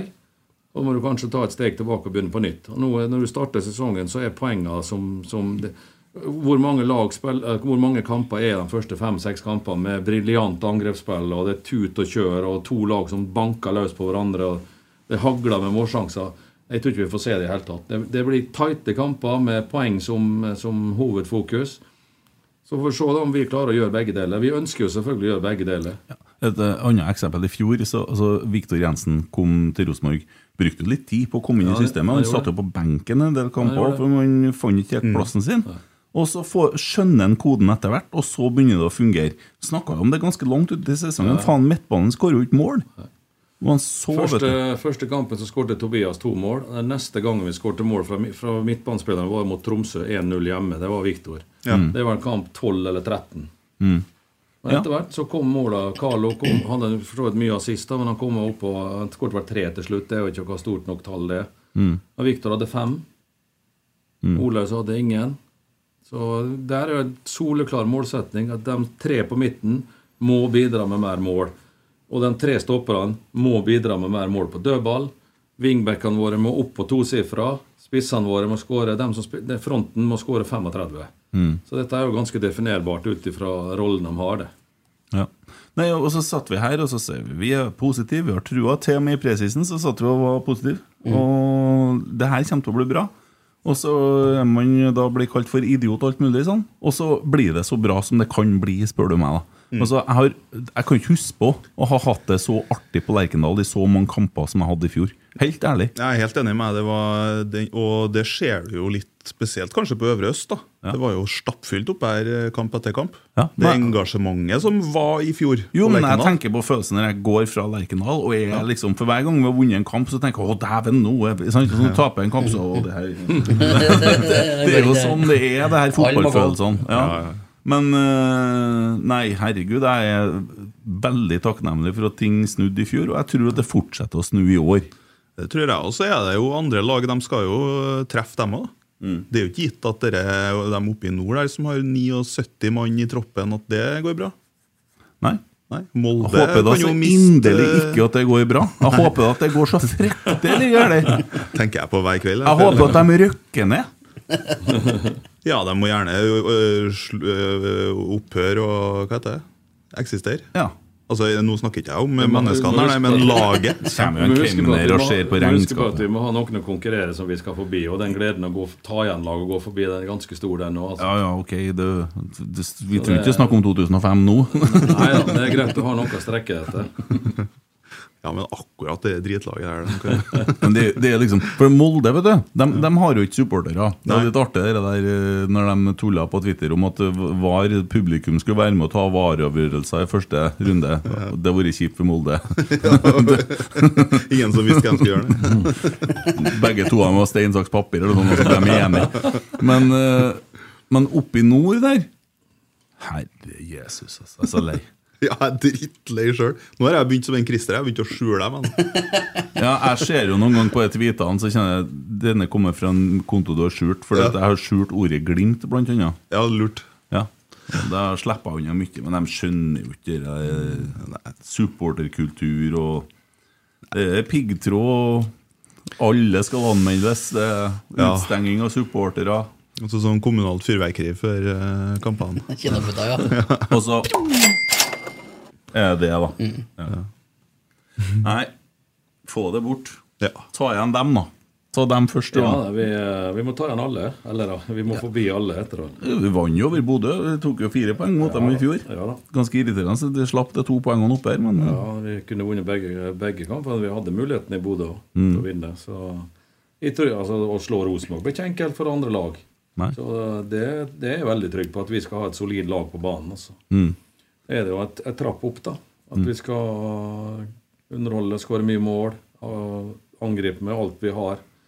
1-0 skal bli til 2-0, og 2-0 skal bli til 3-0. og Den, eh, den byrden er tøff. Mm. Det er jo ingen som eh, Og det snakka vi om eh, i, i garderoben, jevnt og trutt. Og, men det er klart, vi må, vi må vinne. Vi må lære oss å vinne og vinne og vinne og vinne. Og så bygge på, da. Ikke sant? Det, ja, vi får uh, ta, vi- konsentrere oss om Viking nå først. Prøve å få de tre poengene der og få en god start. Mm. Kampen i Molde etterpå, den lever sitt eget liv. Mm. Jeg tar dem i samme slengen. Gjerne det. De drev og nulla ut hverandre i går, der, da, for dem som så den kampen. 70 minutter på VGTV. Der, eh, det gikk ikke så bra, det. Å ja, det er toene her, ja? Ja. Ja, nei. De hadde uh, mista signalet. Uff da. Mm. Uh, Adri, og jeg kan ta med det sånn til slutt. Eh, kan du være så snill å gi oss noen motiverende ord om hvorfor vi skal tro på laget denne sesongen? Jeg gleder meg enormt, altså, men kan likevel ikke si jeg har trua, dessverre. Har sett alle treningskampene og syns vi er litt langt unna å dra inn trepoengere helg etter helg. Ja, vært litt innom det, da, men Ja, eh, det er jo det med å, å makse ut kampene når de kommer. Og ta et steg opp kollektivt. Tørre å slippe seg løs. Eh, jobbe hardere enn motstanderen. Ville å vinne mer enn motstanderen. Ønske det mer enn motstanderen. Eh, Vi har massevis av eh, talent og ferdigheter i troppen vår, vi, som bare venter på å på en måte slippe seg løs og begynne å blomstre. og Spille på seg sjøltillit og flyt og alt dette greia der. Det er utrolig hvor, eh, hvor fort ting kan gå i fotball. For så vidt begge veier. Hvor fort et topplag kan rase ned hvis du ikke er sulten nok og, og gjør grunnarbeidet godt nok. Men er du i utfordrerposisjon, så har du kanskje litt ekstra pondus å, å ta fram. Da jeg, du kan jo forklare litt da når, når, vi begynte i HamKam, jeg og Geir, sånn på sommeren der nå. I august var det vel. Vi henta inn tre-fire lånespillere, for det var nødvendig. Så berga vi plassen. Så forsvant lånespillerne og en par stykker til. Så vi måtte begynne helt på nytt. Og det var ingen i verden som trodde at HamKam kunne rykke opp suverent når vi starta i januar. Og Det laget hadde en kontinuerlig utvikling. Vi klarte å bite oss fast på våren. at vi, vi tok vel ferie med 8-2-3. Da hadde Ålesund og Jerv og Fredrikstad rundt oss med ett eller to poeng. Og Så kom høsten, og vi henta Sam Rogers og Nicholas Hagen og tok ett jafs til. Tapte ikke en kamp på høsten og gikk opp suverent. Så noe lignende kan skje her. Mm. At Vi klarer å få en god start. eh, Litt bedre start enn vi hadde i fjor. For eksempel. Hadde 14 poeng på første tid. Klarer vi å komme opp i 18-19-20 poeng, f.eks. Og ting detter på plass. Kanskje så får du en, en, eh, en, eh, en god signering i sommer som løfter det enda et hakk. Vi spiller for å vinne. Det er ingen her som uh, tror at vi ikke kan være med og kjempe, selvfølgelig. Men vi må, vi må akseptere at vi er en, en utfordrer som må opp og frem. Mm. Og at eh, det ikke nødvendigvis går lett. Men at vi er motivert for å, å ta det steget opp, ja, selvfølgelig. Vi, er- vi, vi ønsker å vinne, vi òg. Vi ønsker å tilfredsstille et veldig kravstort eh, Trondheim og omegn, naturligvis. Jeg mener at vi gjorde bedre og bedre i fjor. Og forhåpentligvis kan vi gjøre litt tidligere i år, og bedre og bedre utover sesongen. Mm. Og det folk kan gjøre da for å bidra til at dette skal skje, det er jo også å møte opp på kamp. Og heier fram laget. Absolutt. Ja. Det nytter ikke å sitte hjemme i sofaen og sende eh, sinte med mailer. Nei, jeg tror ikke det- Gjør jobben sjøl òg. Jeg tror også legge ned innsatsen på stadion og Og det sagt, da, så var det jo Kjernen var helt fantastisk i fjor, både på hjemme- og bortebane. Mm. Og det ble noen ekstra poeng ut av det. Og det, og det vi, å, å gå ut på en, en, en, et, et Lerkendal med et eh, publikum i ryggen Det, det blir som en bølge som ruller mot motstandere når vi får det til. Så det er klart at det hjelper på. Det, jeg håper at vi får like god støtte i år, så skal vi gjøre alt vi kan for å tilfredsstille de kravene som ligger der. Ja. Og legg til det at jeg tror i går på, på dagen fikk jeg beskjed om at det var solgt 1600 billetter. Det er sikkert masse flere nå. På Øvre Øst, ja. ja. Det Ja. kommer til å bli utsolgt oppe her. Ja, jeg skulle til å si det. Dere kommer til å få det bedre støtte i år Kjetil, enn i fjor. For det, jeg tipper vi snitter på 16 000 i 2023. Unge gutter Mm. som skal ut og, og for først, Mange av dem for første gang i sin karriere så skal de etterleve det kravet som ligger her. Mm. Det, er- det er ikke enkelt. Det kan være ubehagelig, men vi må gjøre det behagelig for dem. Ja. Og Da må du erfare, erfare, lære, ta steg. Erfare, lære, ta steg. Altså Dette, dette går jo i ett. Mm. Så eh, Det er derfor jeg sier hver gang at jeg er nødt til å være tålmodig. Nødt til å gi dem trygghet og tillit over lengre tid. Og noen ganger så må du en spiller la han stå ikke bare én kamp, men kanskje fire, fem, seks for å se om du tar steg innenfor den tidsramma der. Og hvis du ikke gjør det, ok, da er det kanskje greit å få en annen prøvelse. Mm. Så det er jo den, den daglige jobben vi driver med hele tida. Mm. Pent. Skal du på kamp du, Manu, eller? Skal jeg love deg. Ja.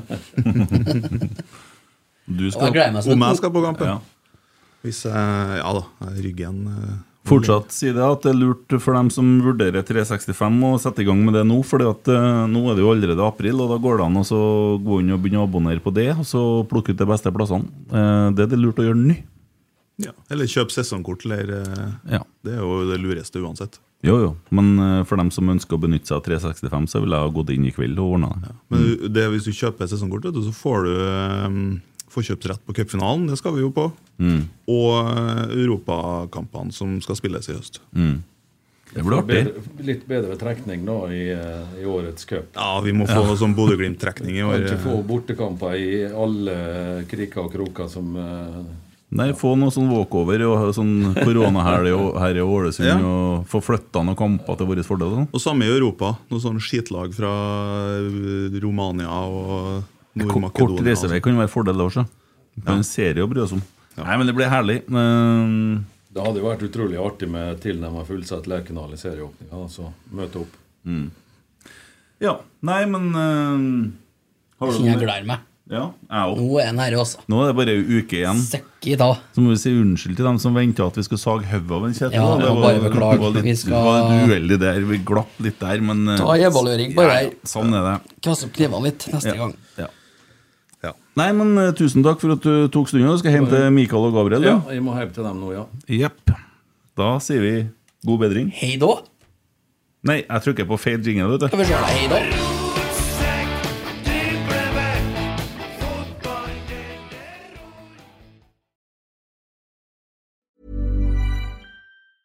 Hi, I'm Daniel, founder of Pretty Litter. Did you know cats tend to hide symptoms of sickness and pain? I learned this the hard way after losing my cat, Gingy. So I created Pretty Litter, a health monitoring litter that helps detect early signs of illness by changing colors, saving you money and potentially your cat's life. Pretty Litter is veterinarian developed, and it's the easiest way to keep tabs on your fur baby's health right at home. Go to prettylitter.com and use code ACAST for 20% off your first order and a free cat toy. Terms and conditions apply. See site for details. Mom deserves the best, and there's no better place to shop for Mother's Day than Whole Foods Market. They're your destination for unbeatable savings, from premium gifts to show-stopping flowers and irresistible desserts. Start by saving 33% with Prime on all body care and candles. Then get a 15-stem bunch of tulips for just $9.99 each with Prime. Round out Mom's menu with festive rosé, irresistible berry chantilly cake, and more special treats. Come celebrate Mother's Day at Whole Foods Market. Planning for your next trip?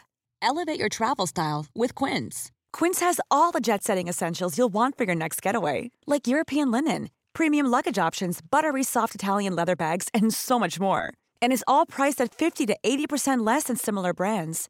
Plus, Quince only works with factories that use safe and ethical manufacturing practices. Pack your bags with high-quality essentials you'll be wearing for vacations to come with Quince. Go to quince.com slash pack for free shipping and 365-day returns.